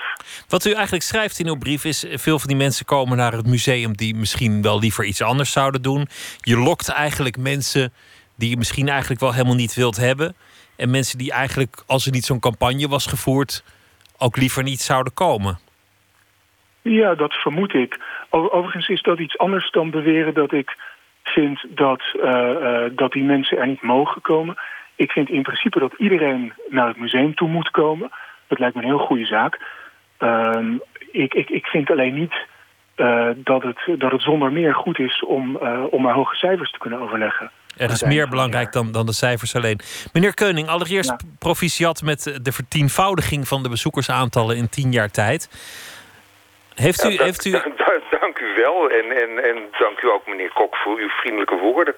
Uh, het, is, het is op zich wel interessant, want uh, we lijken het eigenlijk ook wel heel erg eens te zijn. Hè? Uh, als ik het, het, het, stuk lees in de Volkskrant van. nou, volgens van mij niet. Kok, want meneer, meneer Kok zegt er moeten minder bezoekers komen... en u bent nou, juist blij dat u er meer heeft. Hij schrijft dat er minder bezoekers moeten komen... en hij zegt net dat hij het eigenlijk ook wel heel fijn vindt... als er heel veel mensen komen kijken. Als hij ook maar gelegenheid heeft om uh, eens op een moment heel rustig in een één-op-één relatie met zo'n kunstwerk te gaan staan. En toen, ik, toen ik zijn stuk in de Volkskrant uh, las... en meneer Kok is, is 20 jaar jonger dan ik... Uh, deed het mij een beetje denken aan de directeuren... die toen ik beginnend kunsthistoricus was... 20 jaar of 30 jaar of 40 jaar ouder waren dan ik. die publiek eigenlijk als een soort van hinderlijk buiverschijnsel zagen... voor, hun, voor, voor, voor, hun heilige hallen. En ja absolute stilte wilde hebben. Ik vind de grote verworvenheid van de musea, dat is van de Nederlandse musea. Ik, ik uh, de afgelopen twee weken in, in Berlijn en in Parijs geweest en daar staan die musea ook helemaal stampvol. De grote verworvenheid is dat kunst... Uh, breed omarmd wordt door uh, heel veel verschillende soorten mensen. Van uh, de 55-plussers die tijdens kantooruren onze musea bevolken. de jongeren die leven in een beeldcultuur. Maar, maar meneer Keuning, apparaatjes. En ik met, dat... met excuus dat ik u onderbreek... maar heeft, oh nee, heel graag zelfs. Heeft meneer Kok niet, niet gelijk dat, dat de focus wel erg eenzijdig op getallen is komen te liggen in de museale wereld? Nee, daar ben ik volstrekt oneens. Uh, als we gaan kijken naar... Uh, ik, ik vind dat de focus heel erg ligt op, uh, op de inhoud. er worden geweldige tentoonstellingen gemaakt. er wordt heel erg goed aangekocht, verworven door musea. je ziet dat, dat het aanbod zich enorm uitbreidt... en dat het ook heel breed wordt. Hè, dat uh, de gebruikelijke cultuurcentra van Nederland... en die, die vroeger natuurlijk voornamelijk Randstad waren... dat dat ook alle kanten van het land uitgaat. Hè. Er openen nieuwe musea, openen, uh, openen hun deuren. Uh, ik heb juist het gevoel dat het, het geweldige aanbod... wat wij met z'n allen weten te creëren. En eh, de niches die we weten te bespelen, de interessante combinaties die we weten te maken, eh, dat die voortdurend nieuw publiek trekt. Mensen Dat is, eh, dat is meneer Kok niet ontgaan. Sander Kok, wat, wat is er mis met, met het publiek dat wordt aangetrokken? Hoe zou u dat liever anders willen? Ehm, met, het, met het publiek zelf is niet zoveel mis, denk ik. Er is wel iets mis met, eh, ehm, met het feit dat er steeds meer mensen zijn die alles beleven via hun mobiele telefoon. En die ja, simpelweg te veel ruimte innemen voor een schilderij. Eh, terwijl ze er niet erg lang voor stilstaan. Ja, maar ik, Het zijn ik- niet maar echt kunstliefhebbers. me- me- meneer Kok, als ik, als ik even mag onderbreken... Hè, op het moment dat, je, eh, dat we met z'n tweeën constateren... en dat er enorm veel mensen die musea ingezogen worden... en dat blijkbaar eh, een eh, reden is om dat museum te zoeken... want je kan die kunstwerken kan je ook gewoon thuis vanaf de bank... kan je ze bekijken op diezelfde mobiele telefoon. Dat ze toch die unieke één-op-één ervaring willen hebben hè, met, eh, met dat object... Eh, dan is het toch ook zelfs bij de generaties die, die, die leven in die multipliceerbaarheid van, van het beeld... toch het gevoel dat ze heel dicht bij die stenen wijze moeten komen... die dat kunstwerk dan toch blijkbaar is. Maar, maar ik- eh, meneer Kok, is het, is het niet zo? Want ik heb dat ook als ik naar de bioscoop ga. Dan denk ik alle andere honderd bezoekers moeten opdonderen. Die, ik wil die zaal voor mezelf. Maar, maar dat is niet echt een redelijk verlangen. Nee, nee. Ehm, het, het is ook een verlangen dat ik, eh, dat ik niet eens heb. Ik, ik vind het prima om mijn museumzaal te delen met allemaal andere mensen. Eh, eh, dat is niet zozeer het probleem. Het, is echt simpelweg dat het, het nu te druk begint te worden. Ehm, en dat eh, ja, de mensen die kennelijk pas door marketing aangezet naar musea toe komen... dat die mensen vaak ehm, al te veel ruimte innemen daar. Ja, het spijt me zeer als dat elitair klinkt. Je maar- trekt een ander, Ja, ander publiek dan je Oh. eigenlijk zou, zou moeten willen. Meneer Keuning, Nou, u noemt- eigenlijk, eigenlijk, sorry, sorry, sorry Ja? ik wil iets toevoegen. Ehm, ik, ik vind het echt uitstekend dat er een ander publiek wordt getrokken. Want zoveel mogelijk mensen moeten met kunst kennis maken. Daar ben ik absoluut voor. Daar zijn we het Ehm, helemaal met het moet alleen wel eventjes op een goede manier gebeuren. En overigens, er is een goede oplossing voor. Ehm, we kunnen heel veel bezoekers trekken... en het toch rustig houden door eh, ruimere openingstijden te hanteren. nou, dat, vind, dat vind ik een mooi plan. Dat zal meneer Keuning met u eens zijn. Ja, dat, daar ben ik het absoluut mee eens. Waarbij eh, het, het probleem van musea is, hè, dat wat het een beetje in de weg staat, is dat, eh, dat je openingstijden ook moet financieren. En eh, Ja. dit, dit, dit wordt natuurlijk allemaal steeds, eh, steeds duurder. Hè. Op het moment dat we eh, grote projecten doen. Hè. Wij, wij openen eh, op, op, op 20 januari openen we een grote neo-rauch tentoonstelling. En daar komen vanuit eh, de Verenigde Staten, vanuit Azië... komen die enorme schilderijen van Rauch, die komen naar ons toe. En eh, daar zit natuurlijk een financieel model achter... waarin je, waarin je ook inkomsten moet genereren. En op het moment dat je je museum openzet op uren... Hè, waar eh, op er geen mensen komen... eh, stiltemomenten gaat creëren... eh, zijn die voor een museum behoorlijk kostbaar. En dat ja, is een, dat is een, dat is een dat is een lastige. Ralf Keuning, dank u wel. Meneer Kok, het, het advies is ga naar een museum waar nooit iemand naartoe gaat. Er zijn in Nederland zoveel musea die nooit een bezoeker trekken... omdat ze gewoon dingen hebben die niemand interessant vindt. En als je er eenmaal heen gaat, dan denk je... goh, was eigenlijk best het uitje waard. Dus het... eh, het Daar eh, zijn er heel veel van. ja, wandkleden uit, Ja. eh, uit Perzië uit de 14e eeuw zijn, zijn werkelijk prachtig en er komt geen hond op af. Dat is ook een tip. Meneer Kok, dank u wel. En meneer Keuning ook eh, dank. Goeienacht. Nog een fijne nacht.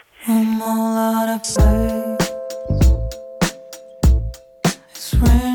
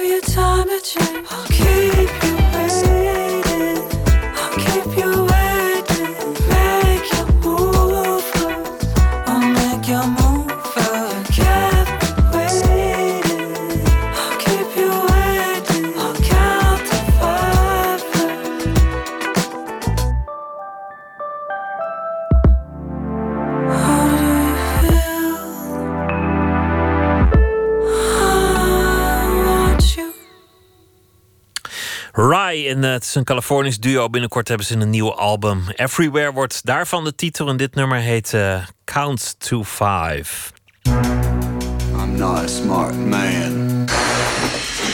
Everybody be cool, this is a robbery! When I'm good, I'm very good. But when I'm bad, I'm better. No, I'm just getting warmed up. Silly rabbit.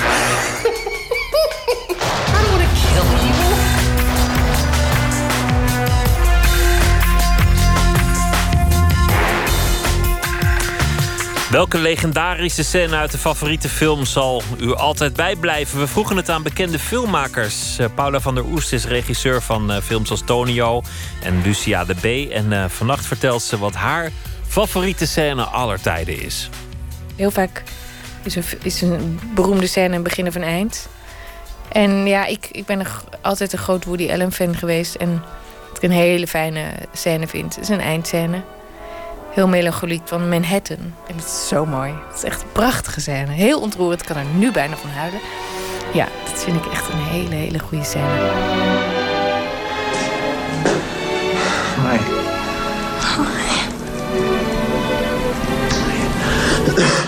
What are you doing here?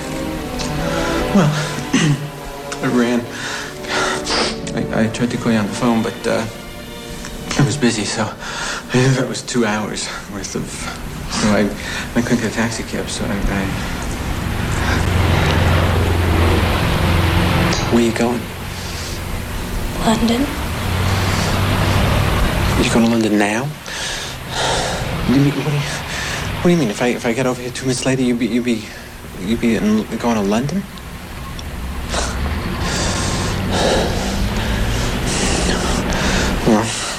Let me get right to the point then. I don't think you ought to go. I think I made a big mistake, and I would prefer it if you didn't go.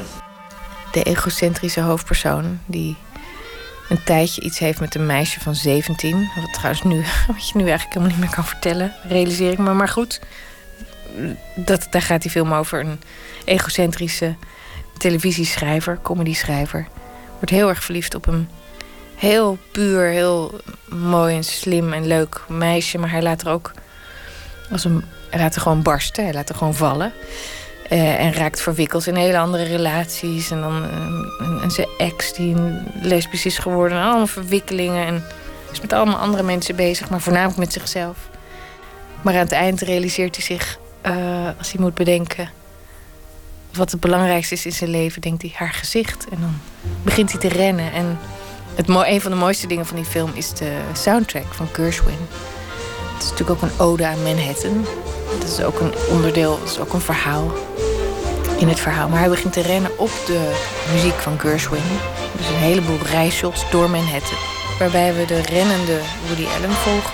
Ik denk dat ze wat straat hebben afgezet en dat de camera eh, op een auto of op een dolly staat. Een dolly is een karretje op rails. En je ziet hem rennen, rennen, rennen. Springt een telefooncel in, probeert het te bereiken, lukt niet. Weer rennen, taxi aanhouden, lukt niet. Rennen, rennen, rennen.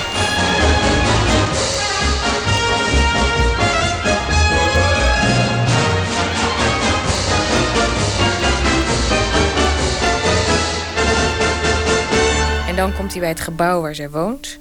Staat hijgend voor de glazen deur en kijkt. En daar staat ze, daar staat ze net. Ze heeft een heleboel tassen en koffers aan haar voeten staan.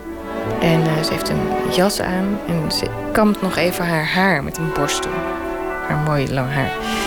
En ze kamt en terwijl ze één zo'n zo'n zo'n beweging naar beneden maakt, kijkt ze vooruit en ze kijkt hem recht in zijn ogen. En hij kijkt zo van: Ik ben er, ik ben er en ik ben net op tijd. Gelukkig, ik ben net op tijd. Ik heb je net te pakken voordat je. En zegt ze: Ja, maar ik moet wel een vliegtuig halen. Nee, maar ik wil niet dat je gaat, want ik ben er toch. En ik, ik kies nu voor je. En, en dan zegt ze: Ja, maar jij zei altijd: Je, je moet reizen en je moet naar Londen. En ik, ik ga nu naar Londen. En mijn ouders zijn er al, want die zijn eh, een kamer aan het zoeken. Dus ik ga echt. Do you still love me or, what? Do you love me? Yeah, that's what. If, yeah, of course, that's what this is all about. You know. Well, guess what? I turned 18 the other day. I'm legal, but I'm still a kid. You're not such a kid. 18 years old. You know, you can, you can. They could draft you. You know that in some countries you'd be. You look good. You really hurt me. It was not on purpose. You know, I mean, I, I you know, it was, I mean, you know, it's just the way I was looking at things then. Well, I'll be back in six months. Six months? Are you kidding? Six months you're gonna go for? We've gone this long. I mean, what's six months if we still love each other? Hey, don't be so mature, okay? I mean, six months is a long time. Six months, you know, you're gonna be, you'll be in, in, in, in Als je nu van me houdt, dan hou je over een half jaar toch you ook nog van me. and directors, you know, you're, you En know, you go to Ze meent het and heel you- erg. you Ze is er heel eerlijk you in. En hij kijkt naar haar en, en zegt: Nee, nee, ik wil niet dat je gaat. En zegt ze: Heb een beetje vertrouwen. En dat is zo mooi. Kind of, I mean, you, you'll change. You know, you'll be, you'll be, six months, you'll be a completely different person. And don't you want me to have that experience? I mean, a while ago you made such a convincing case. Yeah, of course I do. You know, but you, you know, you. I mean, I, I just don't want that thing about you that I like to change.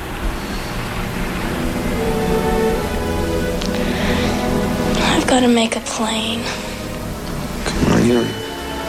Um, you don't. You don't have to go.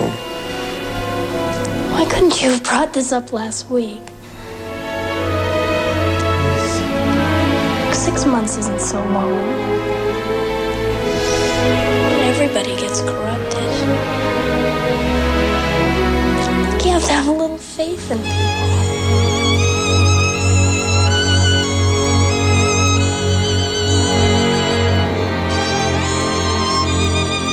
Een mooi contrast van een beetje geperverteerde hoofdpersoon en zo'n heel puur meisje. En die het enige wat ze vraagt aan hem is: heb vertrouwen. En ja, dat, dat vond ik heel ontroerend. De laatste keer dat ik het zag. Heb jij je ook geïdentificeerd met een van de twee? Mm, nee, ik denk niet dat het zo ver ging, maar. ehm, ik, dat vind ik, heb ik altijd goed gevonden van hem, dat hij zichzelf als karakter. En dan weet je niet precies waar het karakter en waar ophoudt en Woody Allen begint. Hij zichzelf ook op de hak neemt. Zijn corrupte gedrag ook op de hak neemt door daar dat meisje tegenover te stellen. En zijn verwachting dat nu hij daar weer staat. Nou, hij houdt van haar en heeft gezegd: Ik ben er toch. En dat ze dan niet onmiddellijk alles uit de handen laat vallen. Dat, zoals dan ook. Ze is dan de dag ervoor 18 geworden. Maar zij is vele malen wijzer dan eh, de man die zich laat leiden door elke impuls eh, die hij tegenkomt. Ja, en in tijden van MeToo is dat natuurlijk ook uit 79 met alles wat ertussen ligt. Hoe kijk je daar nu dan naar?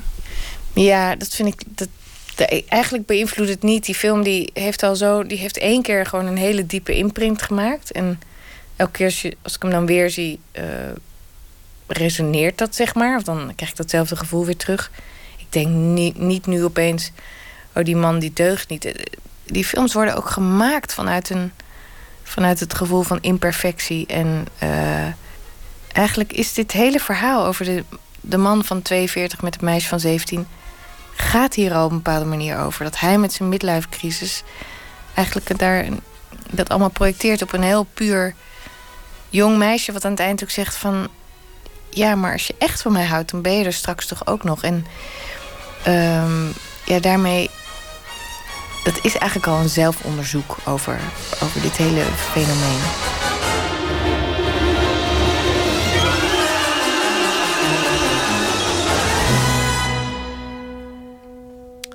Paula van der Oest over haar eh, favoriete scène in een van haar favoriete films van eh, Woody Allen uit 1979.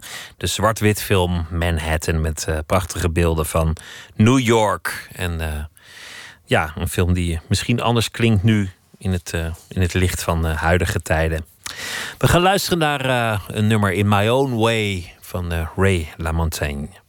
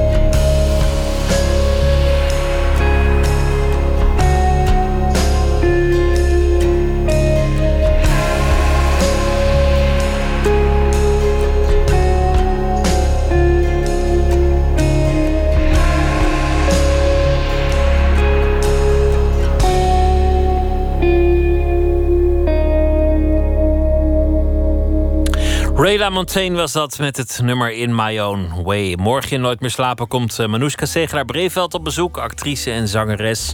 Groeide op in Suriname, kwam in 1990 naar Nederland om te studeren. Kwam terecht in het theater via John Leerdam. En is nu te zien in een nieuwe voorstelling Key versus Key.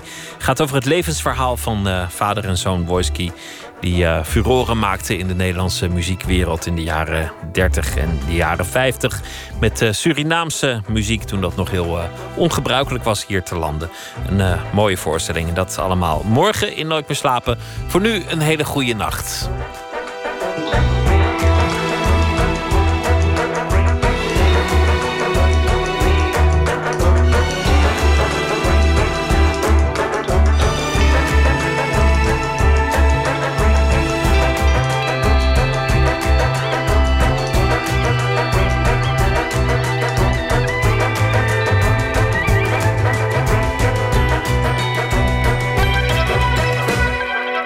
Radio 1, het nieuws van alle kanten.